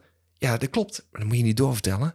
Hij zei... eh, als ik s- s'nachts eh, ga wandelen... en ik word lastiggevallen... Ik heb op Bali heb ik, eh, deze wandelstok eh, gekocht. Hij zei, want als je hem draait... Toen draaide hij hem. En toen trok hij er een degen uit. er zat gewoon een degen in zo'n wandelstok. Mag je niet doorvertellen, hè? Dat ding weer dicht. Ik zo van, alle wandelstokken die je ziet op de eh, foto's waar Jan Kruis op staat, dat is die wandelstok. Daar zit een degen in. Oh, vet. Ja. Dat heeft hij mij eh, dus verteld op straat. En dat vond ik fantastisch. Ja, super. Super. Ja, ja, hele, hele fijne vent. Vond ik heel naar dat hij, ja, ja, natuurlijk op leeftijd, dat hij is overleden. En God hebben ze ziel. Maar eh, ja, nee, heel fijn dat ik hem heb mogen leren kennen. En wat een schat van een vent was dat. Dus daar was ik ook trots op. Ja, zeker. Ja, ik, dat. ik, ik heb er nog twee die ik eh, wel wil noemen, eh, die ik ook noemenswaardig vind. Dus, eh, dus laat me horen. Ik heb er geen meer, dus Nee, ik, nee. Ben, ik ben er doorheen. Nou ja, kijk, vrienden van mij, naast Teeth of the Sea ken ik ook de band Thought Forms. Die zou ik ook even checken als ik jullie was. Een Engelse band ook. En die speelde een aantal keer in het voorprogramma van Portishead. Ik heb Beth Gibbons ontmoet, de zangeres van Portishead. Want ik ben meerdere malen met die band mee geweest. Terwijl zij dus in het voorprogramma van Portishead speelde. En ik weet nog goed de eerste keer dat ze zeiden van... Kom mee backstage. En toen was ik met die vriend van mij... die ook op Butfilm bij de kortfilms eh, ging zitten... in plaats van eh, de juiste. Dus wij backstage met die band. En ineens zeiden ze van... ja, kom, dan gaan we naar eh, de backstage ruimte van Portishead. Ja. En daar stonden we echt zo van... oh, kut man, staan we... En wij stonden echt als twee kleine jongetjes. Zo, oh, hoi. Daar staat gewoon Beth Gibbons. Ik weet trouwens nou wie jouw laatste gaat zijn dan, denk ja, ik. ja, absoluut. Maar echt een heel, heel stiekem... In de backstage van, van Portishead heb ik toen Mhm. heel stiekem een foto van die vrienden van mij gemaakt met Beth Gibbons op de achtergrond. Later ben ik nog een aantal keer met Todd Forms naar andere concerten geweest waar zij ook met eh Portishead speelden. Zelfs in Vancouver ben ik geweest. In Luxemburg ben ik ook geweest. En toen heb ik gewoon daadwerkelijk ook met Beth Gibbons gesproken. Want toen werd ik dus aan haar voorgesteld van... ja, dit is de fotograaf en hij had gisteren een eh, expositie... en eh, hij is nu met ons mee. Oh, so you're an artist. Echt, dat vroeg ze aan mij. Ik zo, oh, wow, wow, wow, rustig, rustig. Ik maak wat foto's. Beth, niet zo, hè? Maar ja, ik weet niet of de luisteraars weten wat Portishead is. Maar dat is fantastisch. Godverdomme, wat een band is dat, joh. Dat is echt eh, super gaaf. Dummy. gewoon. Jaren negentig, super bekend. Nou, oké, de laatste dan. Mag ik raden? Ja, de- je weet het. Ellen te Damme? Oh, kut, ja, die heb ik ook ontmoet. Dat is voor een andere keer. Oké, dat, eh, dat wil ik die andere. Dat, dat komt nog een keer. Dat was Dan mijn verhaal. nog- Ja, dan- daar krijgen we nog vragen over. Goed, doe die andere maar. ik was in New York met mijn vriendin. En de weg was afgezet door de politie. En mijn vriendin zei, er komt hier zo iemand. We moeten wachten. En ik had zoiets van, ja, fuck, eh, dit is New York, er gebeurt van alles, weet je wel. Eh, misschien is het een politicus die wij niet kennen, boeiend. Loop door. Nee, we gaan wachten, zei ze. We godverdomme wachten. Dus eh, ik zeg, nou ja, vooruit dan, dan gaan we wachten. En op een gegeven moment komt er een auto aangereden. En er stapt iemand uit met een heel raar kapsel. Ik kijk, ik denk, godverdomme, meen je. Gene Simmons. Wauw. Ik ben altijd een beetje ja, ingetogen. Als ik bekende mensen zie, denk ik van, ja, laat die mensen Ja, dat heb ik dus ook. Ja. Ja. Zo van, ze wil niet honderdduizend keer aangesproken Ja. worden met... Oh, je bent... Ik, ben, ik weet Ja. wie je bent. Dat, dat weten zij ook wel. Ja, precies. Dus mijn vriendin zei meteen van... Oh, daar moeten we heen. We moeten naar eh, Gene Simmons. We moeten met hem op de foto. Ik zeg, nou, later, later. Nee, we gaan erheen. Dus zij trok mij zo mee. Op, wij naar Gene Simmons. En we kwamen daar zo... eh, en eh, Gene, uh, want to take a picture with us? Hij zo, ja, sure. En hij was kei vrolijk en vriendelijk. Ja. Echt niet te doen. En zijn manager was erbij. En die stond bijna hem weg te trekken. Maar hij stond echt gewoon... Iedereen die hem herkende, daar wilde die wel mee op de foto. Dus wij zijn met hem op de foto geweest. Wauw. Super bizar gewoon. Dat je gewoon... We hebben echt een kwartier staan wachten. Ja. Maar dat is denk ik de aller, aller, aller, allerbekendste die ik eh, ooit ben tegengekomen. Dat is wel, daar kan ik niet overheen. Goed. Volgende vraag. De volgende vraag inderdaad. Van Patrick de Wolf. En hij vraagt aan ons... Welke film die slecht afloopt... hadden jullie liever goed zien aflopen? Daar moest ik mijn partij over nadenken. Ik ook. En dan, dan ga je dus zoeken, zoeken, zoeken, zoeken, zoeken. En dan krijg je sad endings, bad endings. Maar bij bad endings heb ik zoiets van... die lopen slecht af om een reden. En ondanks het feit dat ik er geen fan van ben... zelfs als ik erover zou vallen... ja, maar dan, dan doe je het verhaal te niet. Dat Nee, klopt. eh, dit is een keuze van de regisseur... om Ja. een film slecht te laten aflopen. Ja, en dan denk ik... en dat, bijvoorbeeld een heel simpel eh, Scarface. Of Seven. Bijvoorbeeld. Ja, Ja. nee, daar heb ik ook over na zitten denken. Van, ja, maar dan doe je heel dat planten niet. Ja. Dan doe je heel dat verhaal te niet. Als ik daar nou zou van zeggen van... Ja, dat vond ik kut. Tuurlijk was dat kut. Dat is ook zo. Ik hou dan- daarvan hoor. Nee, dat moet ik eerlijk zeggen. Nee, Jij daarom. misschien niet, maar Nee, ik wel. ik niet, maar dan kan ik misschien wel even een duit in het zakje doen. Zelfs ik zeg... Nee, daar ga ik niks aan veranderen dan. Eh, ik weet dat dat het einde is en dat vond ik nu misschien niet leuk. Maar Mhm. het past wel binnen de keuze van de regisseur om het verhaal zo te laten lopen. Ja. En anders, anders weet ik niet wat je dan wil vertellen. Dus ik moest heel lang nadenken. En toen dacht ik, ik moet iets kiezen wat mij persoonlijk gewoon aangreep. Waarvan ik dacht, ah, dat had ik eigenlijk anders willen zien. Ook al zou dat het verhaal omgooien. Ja. Ik heb gewoon iets gekozen waarvan ik dacht, dat had ik anders willen Vertel, zien. vertel. Ik heb gekozen voor Into the Wild. En op een gegeven moment ontmoet hij een kerel en die heet Ron Franz. En dat is een oudere kerel en dat is een leerlawyer. En eh, onze hoofdrolspeler eh, is een, eh, ja, weet je wel, een wereldreiziger. hij is hij is- Backpacker. hij- backpacker. Hij is gewoon echt op zoek naar avontuur. Maar hij is ook aan het wegvluchten, in principe. Hij heeft nergens echt een plaatsje. Deze man neemt hem onder zijn hoede en heeft eigenlijk nooit, ja, weet je wel, die heeft gewoon geen contact meer. Je hebt echt met hem te doen. En die is zelfs van plan om hem te adopteren. En dat slaat hij dan af. Zeggen van nee, ik ga toch mijn eigen weg. En dan gaat hij dus eigenlijk gewoon zijn dood tegemoet. Ja. En ik weet wel dat dat het verhaal is en dat het daadwerkelijk gebeurd is. Maar man, had ik toch te doen met die oude man. Dat vond ik zo tragisch. Dat brak mijn hart. Die liep slecht af, die film. De film had daar beter af kunnen lopen. Was En ik hij veel dat- korter geweest. Dat weet ik, dat weet ik. Daarom. En dan, dan kom je er weer aan dat fundamentele... je moet niet sleutelen aan, aan het einde van die film. Ja. Maar nee, dat was de, degene waarvan ik dacht... ik heb hem. Dat is de film... eh, Ja, maar dat is precies het ding, weet je wel. Ik vind gewoon, als de regisseur het zo bedoeld heeft, dan heeft de regisseur het zo bedoeld. Ja. En dan heb ik daar vrede mee. Ondanks dat het misschien niet mijn afloop is, Ja. is het wel de bedoeling geweest van de regisseur. En dan, neem, dan heb ik daar vrede mee. Maar eerlijk, dan. heb je altijd daar vrede mee gehad? Of had je soms het... Want wat ik denk dat ik de vraag wel begrijp, is... is heb je soms wel eens gedacht van... Oh, ik had eigenlijk gehoopt... Nee, want ik Want vind... ik denk dat dat de vraag ook... Dan, dan, dan zou dat het zijn. Had je niet heel even... Is Nee, zo dat je nee, dan, dat heb ik nooit. Nee. Echt niet? Ik heb daar wel eens hoor. Dat ik denk van... Nou, ik had eigenlijk wel, ik had eigenlijk wel een, vrij nee, vrolijk nee. einde verwacht. Nee, neem bijvoorbeeld Seven als voorbeeld. Ik, ik Ja. vind het gewoon zo vet dat die impact van dat einde zo heftig is. En dan kun je wel zeggen van, nou, oké, maak er een goed einde aan. Ja, nee. Maar dan wordt die film gewoon minder. Nee, en, dat- en, dat eh, snap er- ik, Er zijn ja. waarschijnlijk ook films die een slechte afloop hebben... die Ja, gewoon bijvoorbeeld niet zo goed wordt er zijn. neergeschoten... en dan denk je van... Nou, dat had niet gehoeven. Dat kan zo zijn, maar ik respecteer gewoon de keuze van de regisseur daarin. Ik heb wel een voorbeeld van een film over slechte aflopen gesproken. Ja. Wil ik heel even de film Killing Zoe aanhalen. Ja. Deze film heb ik gezien toen ik in dienst zat. Dus dat was ten tijde dat ik jou heb leren kennen, Ja. Jean-Paul Arends. Op de kazerne draaide deze film. Dus ik ging met een aantal dienstmaten daarheen. Mhm. En we hadden een fantastisch idee om vooraf een zegeltje te pakken. En ik weet niet of jij weet wat een zegeltje is. Mhm. Ik weet absoluut wat een zegeltje Ik is. zal voor de luisteraars uitleggen wat een zegeltje is. Een zegeltje is een klein postzegeltje wat je op je tong legt of onder je tong. En dat is LSD. Ja. Dus we hadden LSD genomen. We gingen naar die film. En het was echt niet zo dat ik die film niet meer kon volgen. Want die trip die kwam pas veel later na afloop. Maar natuurlijk kwam het al een beetje op tijdens het kijken van de film.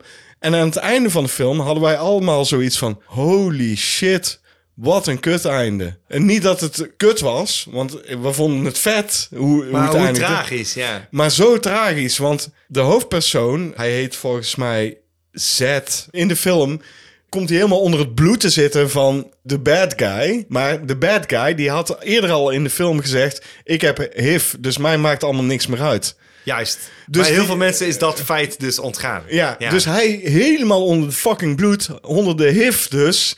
Het lijkt goed af te lopen, want Zoe neemt hem mee en... Oh, is het helemaal bloed? Hij is dood, denk je. En dan zegt hij, maakt niet uit, is, is niet mijn bloed. Dan denk Ja. je, oh. Ja, ja Nee, precies. en dan lopen goed. ze samen weg. Ja. En dan wordt hij niet opgepakt door de politie. En dan denk je, oh, dat is een mooi einde. En ze leven nog lang en gelukkig. En ze gaan nog lekker neuken met z'n allen. En zij krijgt HIV. En wij zagen meteen dat dat gewoon een kut einde was. Of, Ja. Maar goed, dat kwam misschien ook door de LSD. De hele zaal dacht gewoon, oh, dat is een happy ending. Maar wij hadden zoiets van, dit is gewoon een slechte Graag afloop. zijnde, ja. Staat mij absoluut bij. Maar ik vond het gewoon vet. De volgende vraag is van Mark Beulen. Wat is jullie favoriete sci-fi comedy en waarom is dat niet? Frequently asked questions about time travel. Dat. Nou, allereerst, waarom... Die heb jij niet gezien. Ik heb die wel gezien. De- ja, ik heb die niet gezien, dus ik daarom wil is deze dat nog niet. doen met cinemaatjes. Dat is één. Eerst jij. Wat is je favoriete sci-fi comedy? Ik vind dat heel moeilijk. Ik vind sowieso als je comedy met een genre vermengt, vind ik het al heel moeilijk. Omdat comedy is een moeilijk genre. Dat is een, een genre van eh, smaak gewoon. En die smaak is niet voor iedereen hetzelfde. Natuurlijk moeten we Back to the Future noemen. Natuurlijk moeten we dat noemen. Want dat is gewoon een hele En. Ghostbusters. Ja, die liggen veel te veel voor de hand. Uit nostalgie zou ik eerder zeggen Weird Science. Die heb ik ook opgeschreven. Dat was het eerste wat te binnen schoot. Van ja, wa- waar ga je dan als eerste voor? Luister, beste Mark. Ik heb natuurlijk die Frequently Asked Questions About Time Travel gezien. Maar die ga ik nog bewaren voor een cinemaatjes. Want ik denk dat het wel een leuke film is om te doen. Ook al is het niet alleen een comedy. Het is ook een time travel movie. En het is kind of fucking clever. Dus misschien komen we hier nog op terug. Ja. Maar for the time being... Get it? Weird Science.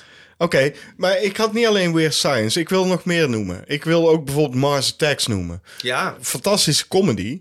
En natuurlijk leuke sci-fi elementen Ja. erin.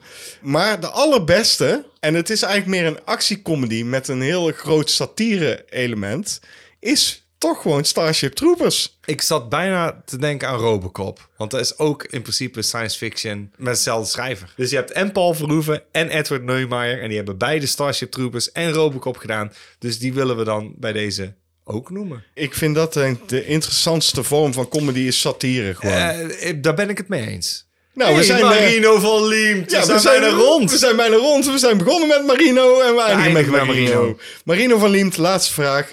Die vraagt aan ons: Denken jullie dat we in Nederland ooit nog een goede genrefilm gaan maken? Zelf is hij bang van niet. Hoezo? Woensdag? Hoezo? Een genrefilm niet meer. Een goeie. Hij zegt een goeie. hè? Die is goed. Ja, een 5,3 op IMDb is Ja. niet per se goed. Nee, dat is in de eye of the beholder. Hé, als wij een zak met geld krijgen, dan komt hij er. Dat is een goed antwoord. Nou, ik zit sowieso te denken van... eh, hoezo worden in Nederland sowieso geen goede films gemaakt? Er, er worden gewoon in Nederland geen goede Ja, films bijna gemaakt. al Alex van Warmerdam films zijn gewoon in hun genre ook gewoon uitstekend. Ja, maar dat is de enige... Dat is de enige eh, Paul Verhoeven kun je ook gewoon noemen. Maar goed, die maakt tegenwoordig geen eh, Nederlandse films meer. Nee. Wat bedoel je überhaupt met genrefilms, Marino? Elk film heeft een genre. Mhm. In Nederland is de genrefilm die bij uitstek altijd wordt geëxploiteerd... is de romantische comedy. Ja, Of- maar die zijn niet per se goed. Dus Nee, die zijn dan- absoluut niet goed. Nee, ik denk dat hij doelt... Laten we even zijn vraag ontleden. Ik denk dat hij daadwerkelijk doelt op eh, excessen zoals eh, Dick Maas het zou doen. Ja, maar dat is een van de weinigen die inderdaad een echte genrefilm, een horror, aandurft. Oké, maar dan durf ik ook gewoon te zeggen... al ben ik niet de grootste Dick Maas-fan... Hij- dan nog durf ik te zeggen dat hij met Amsterdam... een schot in de roos heeft eh, gemaakt. Daar zitten giallo-elementen in... er zitten thriller-elementen in... er zitten slasher-elementen in. En beter dan dat, en zeker met dat budget en die stunts... gaan wij het in Nederland niet meer doen, hoor, denk ik. Tenminste, voor the time being. Ja, maar dat komt dus omdat het Nederlands Filmfonds het op safe speelt altijd. Ja, dat is het. Zo van, oh, het is een kinderboek... of is het een Het is een- comedy? het is een kunnen we het ja. geld eruit halen. Inderdaad, een kinderfilm, romantische comedy, Ja. misschien een drama, her en der. Eh, in het verleden werden we eh, platgegooid met eh, Tweede Wereldoorlog films. Eh, dat, gelukkig is dat Platgegooid. plat gebombardeerd. Nee, plat gebombardeerd met de Tweede Wereldoorlog. Ja, maar gelukkig is dat Ja. voorbij inmiddels. Wat heb je nu tegenwoordig in de bioscoop draaien? Bombini, Hupse Flups. eh, Eh, alles met liefde eh, erin. alles is liefde. Sove 3. hard. op de juiste plek. Hard op de juiste plek. Hard op de juiste plek gewoon. En de mensen... keihard op de juiste plek. En Er worden dus eh, bekende... Als, was dat maar een genrefilm. Nee, maar luister. Er worden, nee, maar er worden, er worden bekende Nederlanders worden ingeschakeld om in een film te spelen of een film te maken.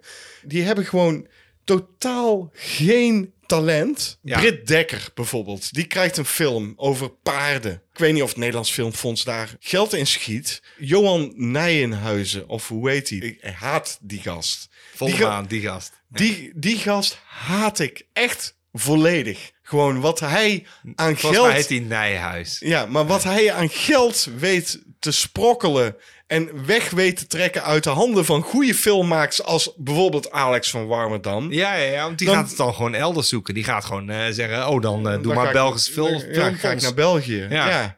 En terecht. En er zitten ook hele goede acteurs. En dan krijg je gewoon een godverdomme goede film. Dus als ik zou zeggen, goede genrefilm, dan zit je goed bij eh, Alex van Warmerdam. Alles wat hij aanpakt of aanraakt, daar stopt hij zijn ziel en zaligheid in. Ja, maar hij moet het wel altijd met een klein budget doen. Hij Zeker, moet altijd ja. dingen bij elkaar schrapen. En ik Waar wil- blijft de goede exploitatiefilm? Waar blijft de goede stuntfilm? Waar blijft, en zoals Dick Maas het zou zeggen, waar blijft die goede B-film? Ja, maar die ik hou de- veredelde de- beeld, wat dat, wat dat betreft Ja. heb ik veel respect voor Dick Maas dat hij het wel doet. Om die dingen? Hij doet het wel, weet je. eh, Hij kunnen- doet het misschien niet af- goed, maar hij doet het wel. Precies, we kunnen hem afbranden. We kunnen zeggen van, oh, dat had ik anders gedaan. Ja, maar hij heeft wel zich gewaagd aan dat soort films. Ja. En dan kijk je inderdaad naar het oeuvre. Naar, naar zeg maar de hele lijst aan films die wij leuk zouden moeten vinden. En dan kom je toch erop uit dat De Sint toch best wel leuk was. En denk van, ja, nee, oké, ja, ik had, het, eh, ik had graag meegeholpen. Dat is dan wat ik denk. Maar, ik, maar hij heeft het toch wel even mooi gedaan. Hij heeft wel even gewoon mooi zo'n film gemaakt. Ja, Prooi, daar kan ik over vallen. Die vond ik helemaal niet zo denderend. Maar hij heeft het toch wel even mooi gedaan. Hij doet heeft het zo'n film Ja, kunnen hij maken. Doet het. Ja, maar meerdere Eh, mensen oh. moeten die kans krijgen. En het Nederlands Filmfonds moet gewoon hun geld niet meer in die zunk gooien. Nou, ze gaan voor safety. Dat is het ja, maar ik haat dat. Ik ook. Ik, ik, wil, niet, ik wil niet dat, ik dat Linda de. Mol een, een film over Gooise vrouwen maakt. Nee, dat wil ik ook niet. En dat daar het Oh, dan, gaat, dan gaat iedereen naartoe. Ja, Ja, maar, je hebt daar interesseert me tegenwoordig niet. ook gewoon streamingdiensten. Interesseert me Dan niet wil ik dat gewoon daar een film maken voor streamingdiensten. Fuck it. Want dan, dan fuck het Nederlandse fucking filmfonds. En haat- fuck de Nederlandse ik bioscoop. Haat, ik haat het Nederlands Filmfonds. Ik haat Johan Nijenhuis. Ik haat het gewoon echt. Ik haat ik, wat, dat die man En ik geld haat krijgt. smurven. Nee, ik vind Smurf best leuk. Adieu. Bonsoir.